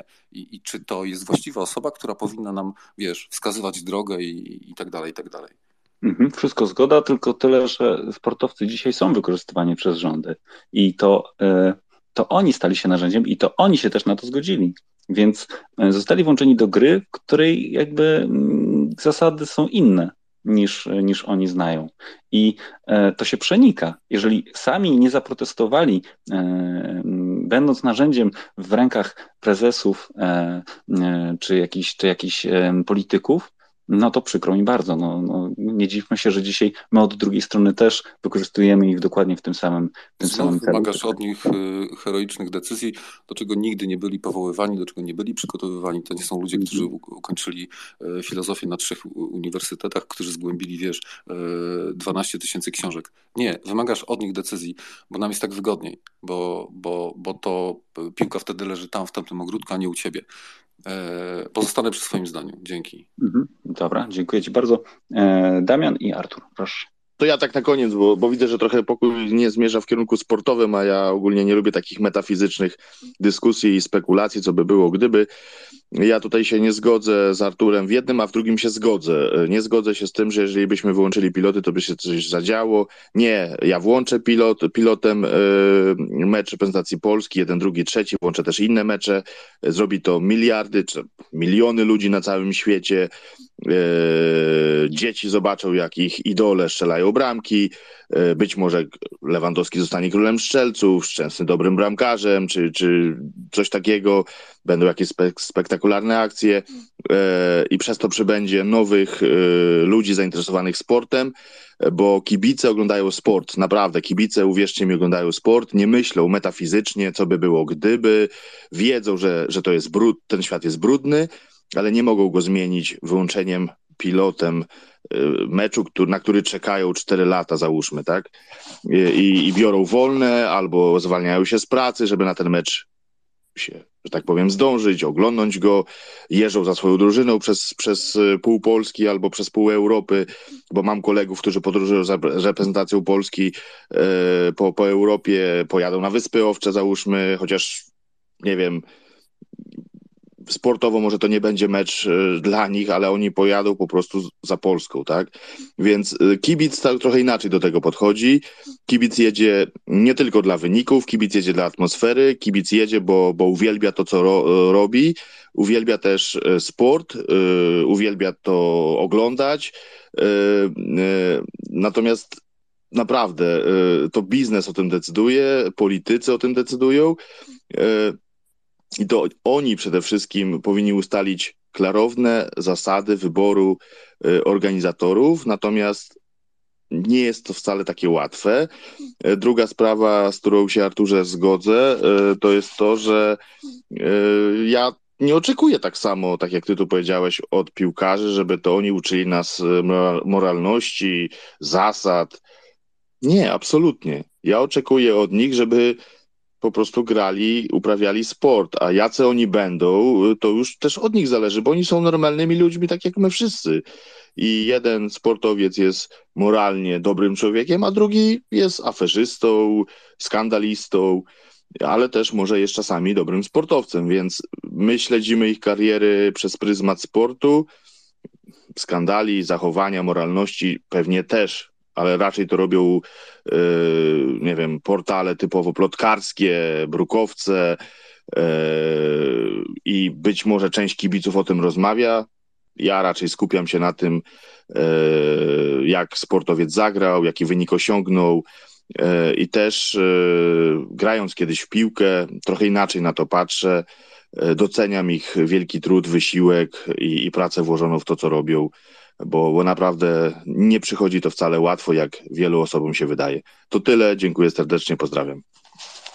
Dzięki Damianie. Damianie, jeżeli chcesz stricte sportowe tematy, to cię zapraszam zawsze w niedzielę, wiesz? Nie, nie, okej, okay. ja, ja tylko powiedziałem, że, że wchodzimy na takie tematy już bardzo metafizyczne i, i, i...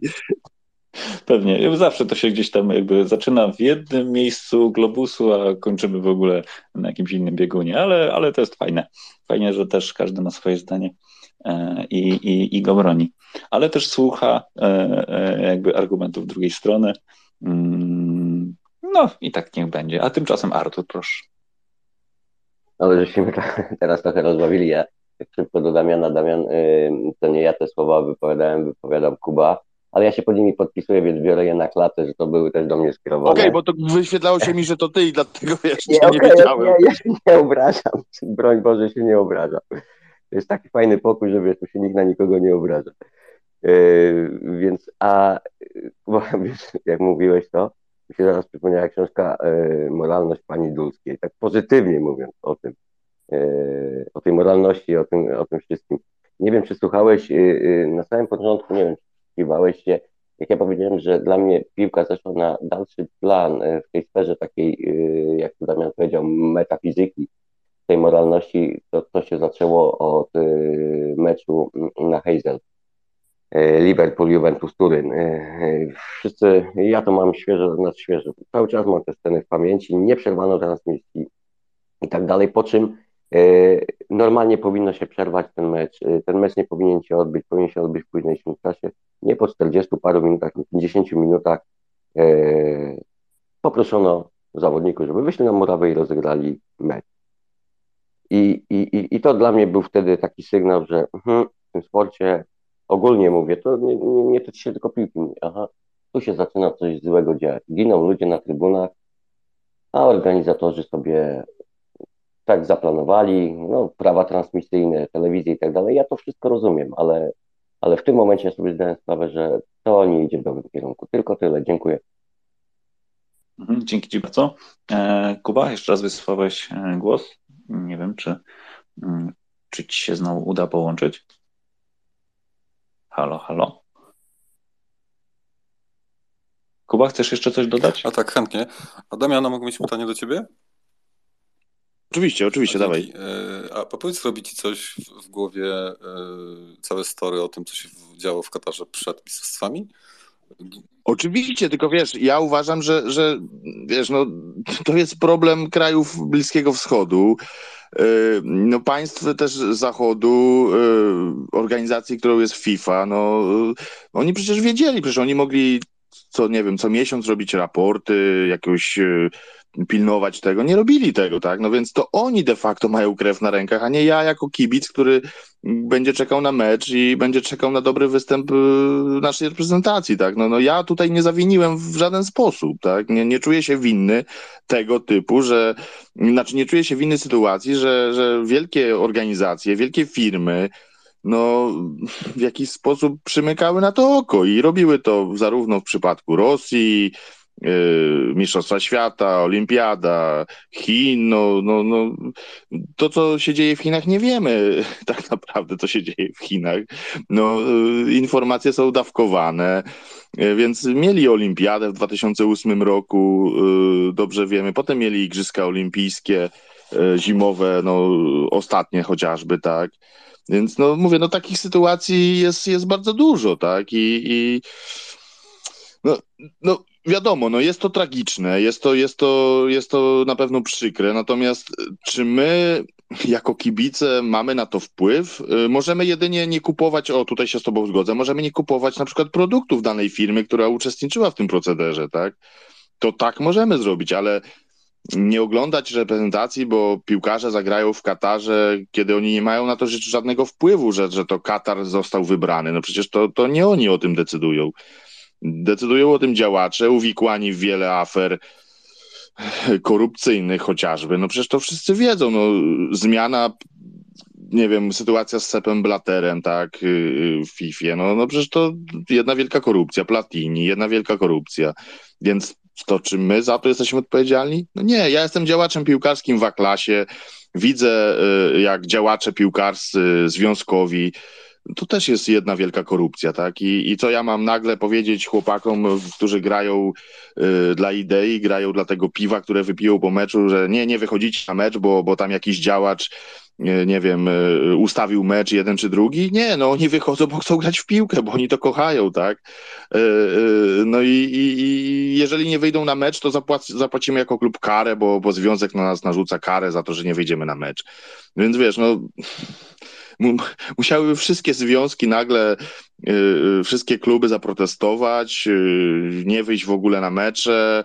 y, Nie wiem, no to, to, to musiałby być, nie wiem, jakiś światowy ruch, który by to wszystko zatrzymał.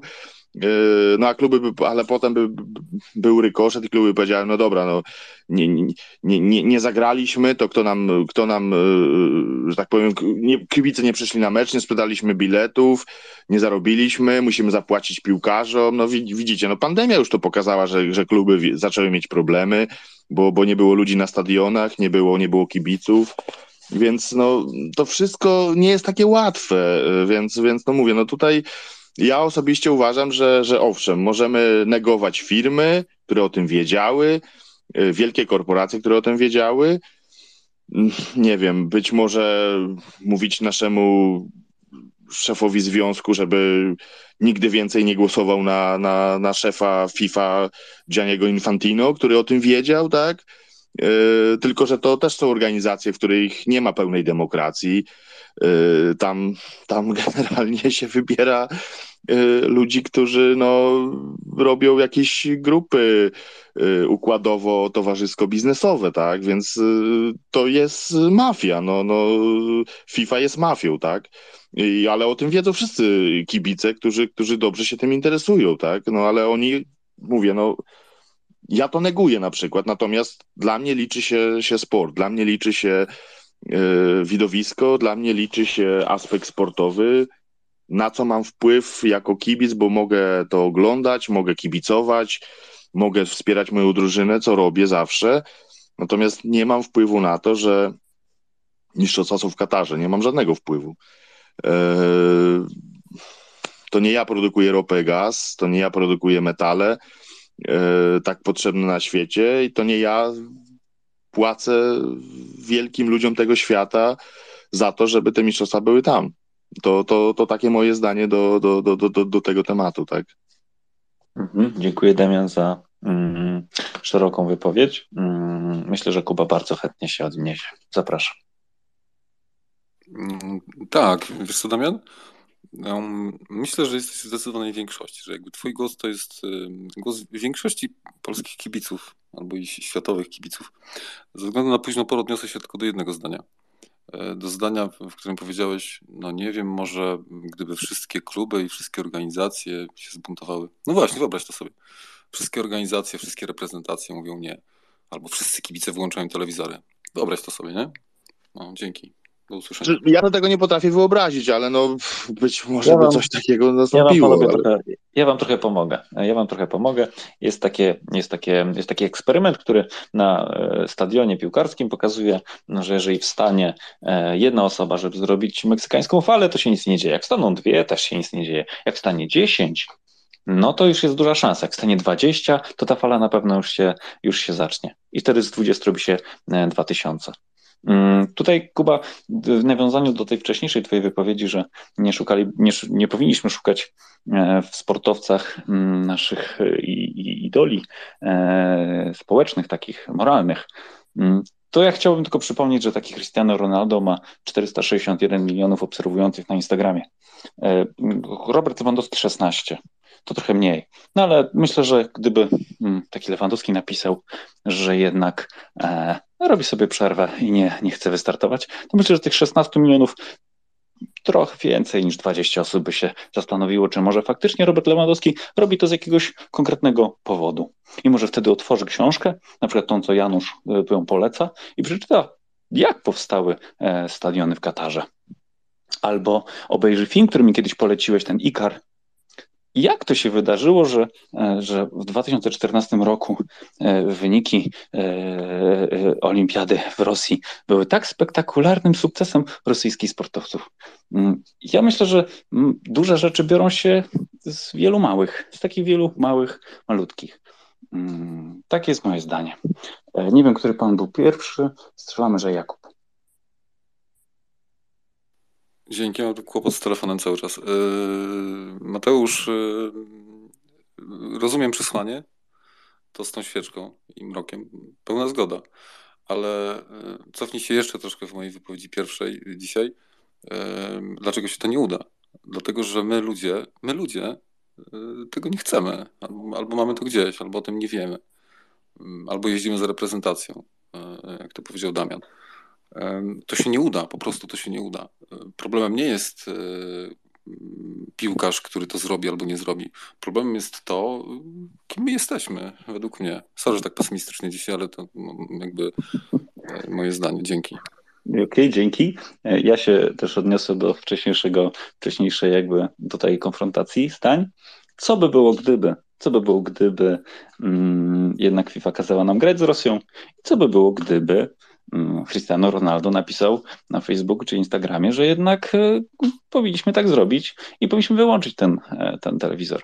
Mm, to będzie mniej pesymistyczne z mojego punktu widzenia. E, Damian, proszę. Ja tutaj tak jeszcze pociągnę ten temat. Ja byłem kiedyś w Emiratach Arabskich. Generalnie tam latają wszyscy. Tam latają wszyscy na wakacje i generalnie, żeby rozwiązać ten problem, to tam powinni też ludzie na wakacje nie latać. Czy przestaną latać? Nie. Kolejna sprawa. Jeżeli po pierwszej śmierci, czy drugiej, trzeciej obywatela Indii, bo tam pracowało bardzo dużo Hindusów, powinien zaprotestować rząd Indii. Zrobił to? Nie. Dlaczego? Bo wie dobrze, że tam ludzie latali pracować. Pracować, zarabiać pieniądze dla swoich rodzin, nie mieli szans na przykład na pracę w Indii, w Indiach, więc latali tam. Więc y, tutaj też mamy taki aspekt, y, bym powiedział, ja wiem, że, że, że, że my ludzie no, powinniśmy być bardziej moralni, tak? Natomiast naprawdę ja podchodzę do świata, a zwiedziłem go trochę, tak? Ten świat nie jest moralny i nie będzie. I, i, i, mo, i może, możemy sobie zarzucać, że, że dlaczego, ja pracuję we francuskiej firmie, wyobraźcie sobie, i Francja dalej sprzedaje do Rosji sprzęt. My jako dział polski się zdenerwowaliśmy, tak? No wkurzyliśmy się. Y, część ludzi na przykład szuka nowej pracy, bo nie chcemy pracować już we francuskiej firmie. Natomiast Francuzi mówią business usual. No i wiecie, no tak to wygląda. No, no co, co mamy zrobić? Część ludzi powiedziała, no dobra, nie będziemy szukać nowej pracy, bo kredyt, niepewność na rynku. No więc to, to, to są naprawdę ciężkie decyzje i, i naprawdę jesteśmy, no, bym powiedział, nie mamy na to wpływu, nie mamy na to tak dużego wpływu. I ja osobiście jestem, no nie wiem, uważam, może nie pesymistą, uważam, że, że nic takiego nie nastąpi, tak? Dawid Beckham bierze duże pieniądze za to, że promuje Katar. Michael Laudrup, który kiedyś też był gwiazdą reprezentacji Danii, też bierze spore pieniądze. No przecież on nie robi akcji reklamowej Kataru yy, za darmo, tak? Yy, więc yy, przepraszam, nie Michał, tylko Brian Laudrup akurat, jego brat. Więc no, dlaczego oni nie są moralni? Dlaczego Beckham and, i Laudrup nie jest moralny? I my od, od, od nas mamy, wy, od nas ludzi anonimowych mamy, yy, nie wiem, oczekiwać, że my będziemy tymi moralnymi osobami, bo my wyłączając pilotem mecz zmienimy ten świat, kiedy Beckham, wielka gwiazda, człowiek, który zarobił ogromne ilości pieniędzy, nie jest moralny, to o czymś to świadczy, tak? To o czymś to świadczy. My, jako ludzie, to co powiedziałem, powinniśmy przede wszystkim szukać produktów ludzi tych niemoralnych i od tego zaczynać być może nie kupować tych produktów. Ale ilu nas to zrobi?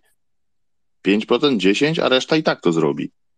Więc no, nie wiem, no ja osobiście uważam, że, że nie mamy na to aż tak dużego wpływu, ale oczywiście rozumiem e, Jakuba i, i Twoją wypowiedź i, i, i Twój zamysł do tej sytuacji. To tyle. Mhm, dziękuję, Damianie. E, ja e, dwa zdania. Pierwsze zdanie e, oddam dla Ani, żeby zaprosiła wszystkich na, na jutrzejszy pokój, a potem pozwólcie mi, że już zakończę pokój jakby swoją, swoim podsumowaniem, mm, jakby już nie otwierając dyskusji, mimo że ono będzie inne niż wasze. Mm, szanuję wasze zdanie, ale moje będzie troszeczkę jakby łączyło parę wątków. Także Aniu, zdanie o jutrzejszym, o jutrzejszym, o jutrzejszej audycji. Proszę. A mogę jeszcze sekundkę się odnieść tutaj do tego, co, mhm. no, się zadziało? E, panowie, moralność, moralność to nie jest metafizyka. E, to tak woli sprostowania, bo mówicie, że moralność to jest metafizyka. Nie, to nie jest metafizyka, to jest postawa jakaś.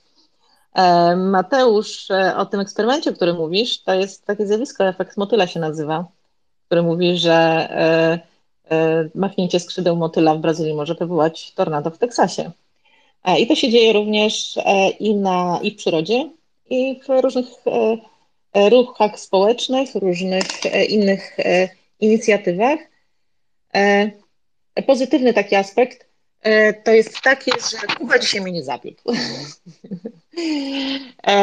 Słuchajcie, no i jeszcze kwestia bojkotu, o którym tutaj, wokół którego tutaj tyle powstało kontrowersji. No rzeczywiście, ja myślę, że to nie jest chyba tak, że oczekujemy od Lewandowskiego, że będzie nam wskazywał e, drogę, bo to jest chyba trochę e, taka ślepa uliczka, bo chyba naprawdę nie o to chodzi. E, wydaje mi się, że nie chcemy też od sportowców wymagać jakichś tam, nie wiem, no takich heroicznych poświęceń, bo to jest ich praca, to jest ich życie. Chyba raczej też nie chcemy ich rozliczać. Ale myślę, że tutaj to, o czym mówiliśmy, to przede wszystkim o tej wielkiej machinie. E, I ta wielka machina i ten system w jakiś sposób wzbudza emocje i te pozytywne, i te negatywne. Te pozytywne to jest właśnie impreza, i te negatywne, które dzieją się na backstage'u. I ja myślę, że możemy chyba jednak o tym rozmawiać. Ja tak to czuję bo nie wierzę, że sami sportowcy też o tym nie rozmawiają w takim kontekście, w jakim my tutaj rozmawiamy. E, to tyle ode mnie. E, chciałabym tylko jeszcze, słuchajcie, zaprosić Was do dalszego śledzenia naszego profilu. Zapraszamy jutro e, na naszą audycję. Jutro będzie spotkanie z cyklu My Polacy. Wtorek, godzina 21. Słuchajcie, będzie temat samorządy, ostatni bastion demokracji, taki będzie temat. E, do spotkania, do rozmowy, do dyskusji zapraszają Tadeusz Krupa oraz e, Arkadiusz Olszowy. Arek jest tutaj z nami. Arkadiuszu, pozdrawiamy Ciebie. E, no i słuchajcie, mamy niespodziankę, bo gościem specjalnym jutro będzie senator Wadim Tiszkiewicz, były prezydent Nowej Soli. E, jeden z czołowych samorządowców w Polsce. Chcemy porozmawiać o wojnie e, polsko-polskiej na poziomie samorządowym. Jest to też ważny temat, który dotyczy nas wszystkich. Serdecznie Was zapraszamy jutro o godzinie 21, a ja dziękuję za bardzo interesujące e, spotkanie, za bardzo interesującą dyskusję. Dziękuję, dobranoc. Dzięki Janiu. E, Demian, jeszcze jedno zdanie, zapraszam. Tak, tak, ja chciałem, ja chciałem powiedzieć, że ja wiem, co oznacza moralność i metafizyka, po prostu użyłem tego słowa metafizyka, bo widziałem, że wchodzimy na takie bardzo metafizyczne tematy w pewnym momencie użyłem tylko tego słowa. Ja wiem, o czym, o czym mówiliśmy i wiem, co to jest moralność. Okej, okay, dzięki bardzo. Jakub, proszę. Ania, powiedziałeś, że cię nie zawiodłem. Ja wiesz, ja dzisiaj jestem konfrontacyjny, więc jak chcesz się pokłócić, to ja wiesz, ja chętnie, nie? To na, to na backstage'u. To na backstage'u najlepiej korespondencyjnie. Oczywiście do dobrej nocy. Oczywiście, że tak. Nie, jakby tutaj jakby zawsze lubię pokoje, gdzie są różne zdania. No zawsze coś zostaje w głowie i mi, i wam. E, i, każdy trochę mądrzejszy wychodzi e, po takich dwóch i pół godziny i mówi sobie, że to wcale nie były zmarnowane e, dwie czy trzy godziny. Także super. Dziękuję wam z góry. Jeżeli chodzi o moje podsumowanie, tak mi się wydaje, że mm, że na przykład, tak jak ty, Damian, jesteś wewnątrz organizacji, do której mamy wielkie zastrzeżenia, bo wielka organizacja jakby ma też dużo małych korzeni, a tak jak powiedziałeś, w jednym z tych korzeni siedzisz ty i jakby nie widzisz wyjścia. Znaczy, ja jestem mm. działaczem sportowym w mhm. klubie, niezwiązkowym. Okej, okay, dobra, dobra, dobra, super za sprostowanie, ale tak czy siak jakby jesteś wewnątrz, widzisz, widzisz tą organizację bliżej. E, ja cię już z góry zapraszam na pokój, który będzie o tej tematyce, bo trzeba to zrobić, żeby ten beton troszeczkę e, próbować rozebrać na czynniki pierwsze i pokazać, że da się go rozkruszyć. E, ja absolutnie zgadzam się z Kubą, że, że w nas kibicach jest, jest siła i możliwości, żebyśmy mogli coś zmienić.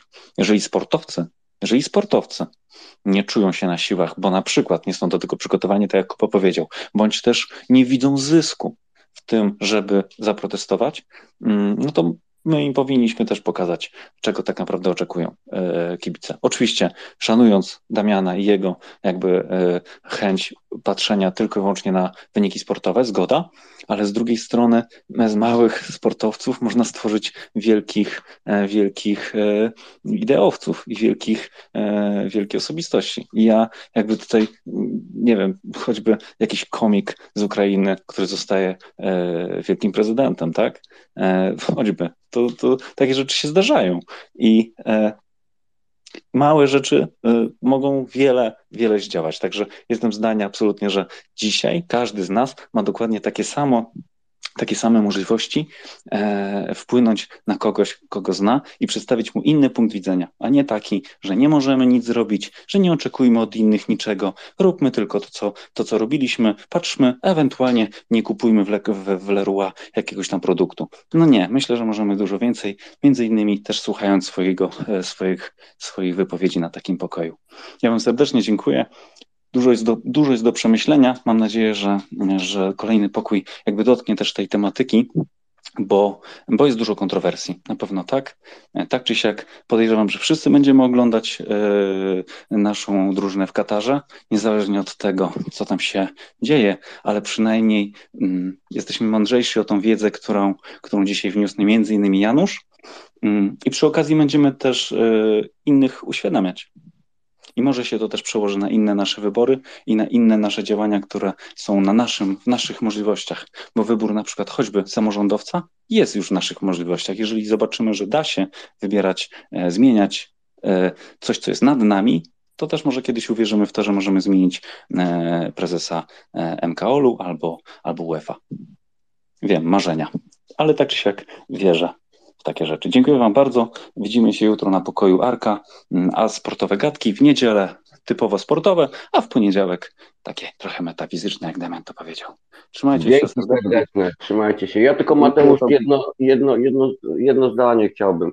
E, Ania ładnie powiedziała, że Kuba ją nie zawiódł, a, a ja jednak czuję się zawiedzony y, i to twoją postawą. Kurde, kawę sobie zrobiłem, myślę, dopiero się pokój rozkręca, a ty podsumowanie robisz i mówisz dobranoc. Trzy godziny. Artur, dziękuję Ci bardzo. Nie, super było, dzięki, wiesz, że to jest żart.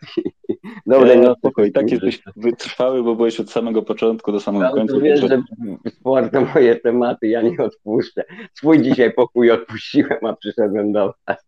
Dzięki Wyprowadź, serdeczne. wyprowadź psiaka, bo chyba, chyba Nie, ja byłem w ja nie, chodziłem, wszystko słuchałem, nie, nie, to nie jest tak, wiesz, że nie słucham, nie, nie, idę z Dobra, ale... dziękuję wam bardzo. Dziękuję wam bardzo. Dzięki Artur i, i do usłyszenia. Pozdrawiam. Dobranoc.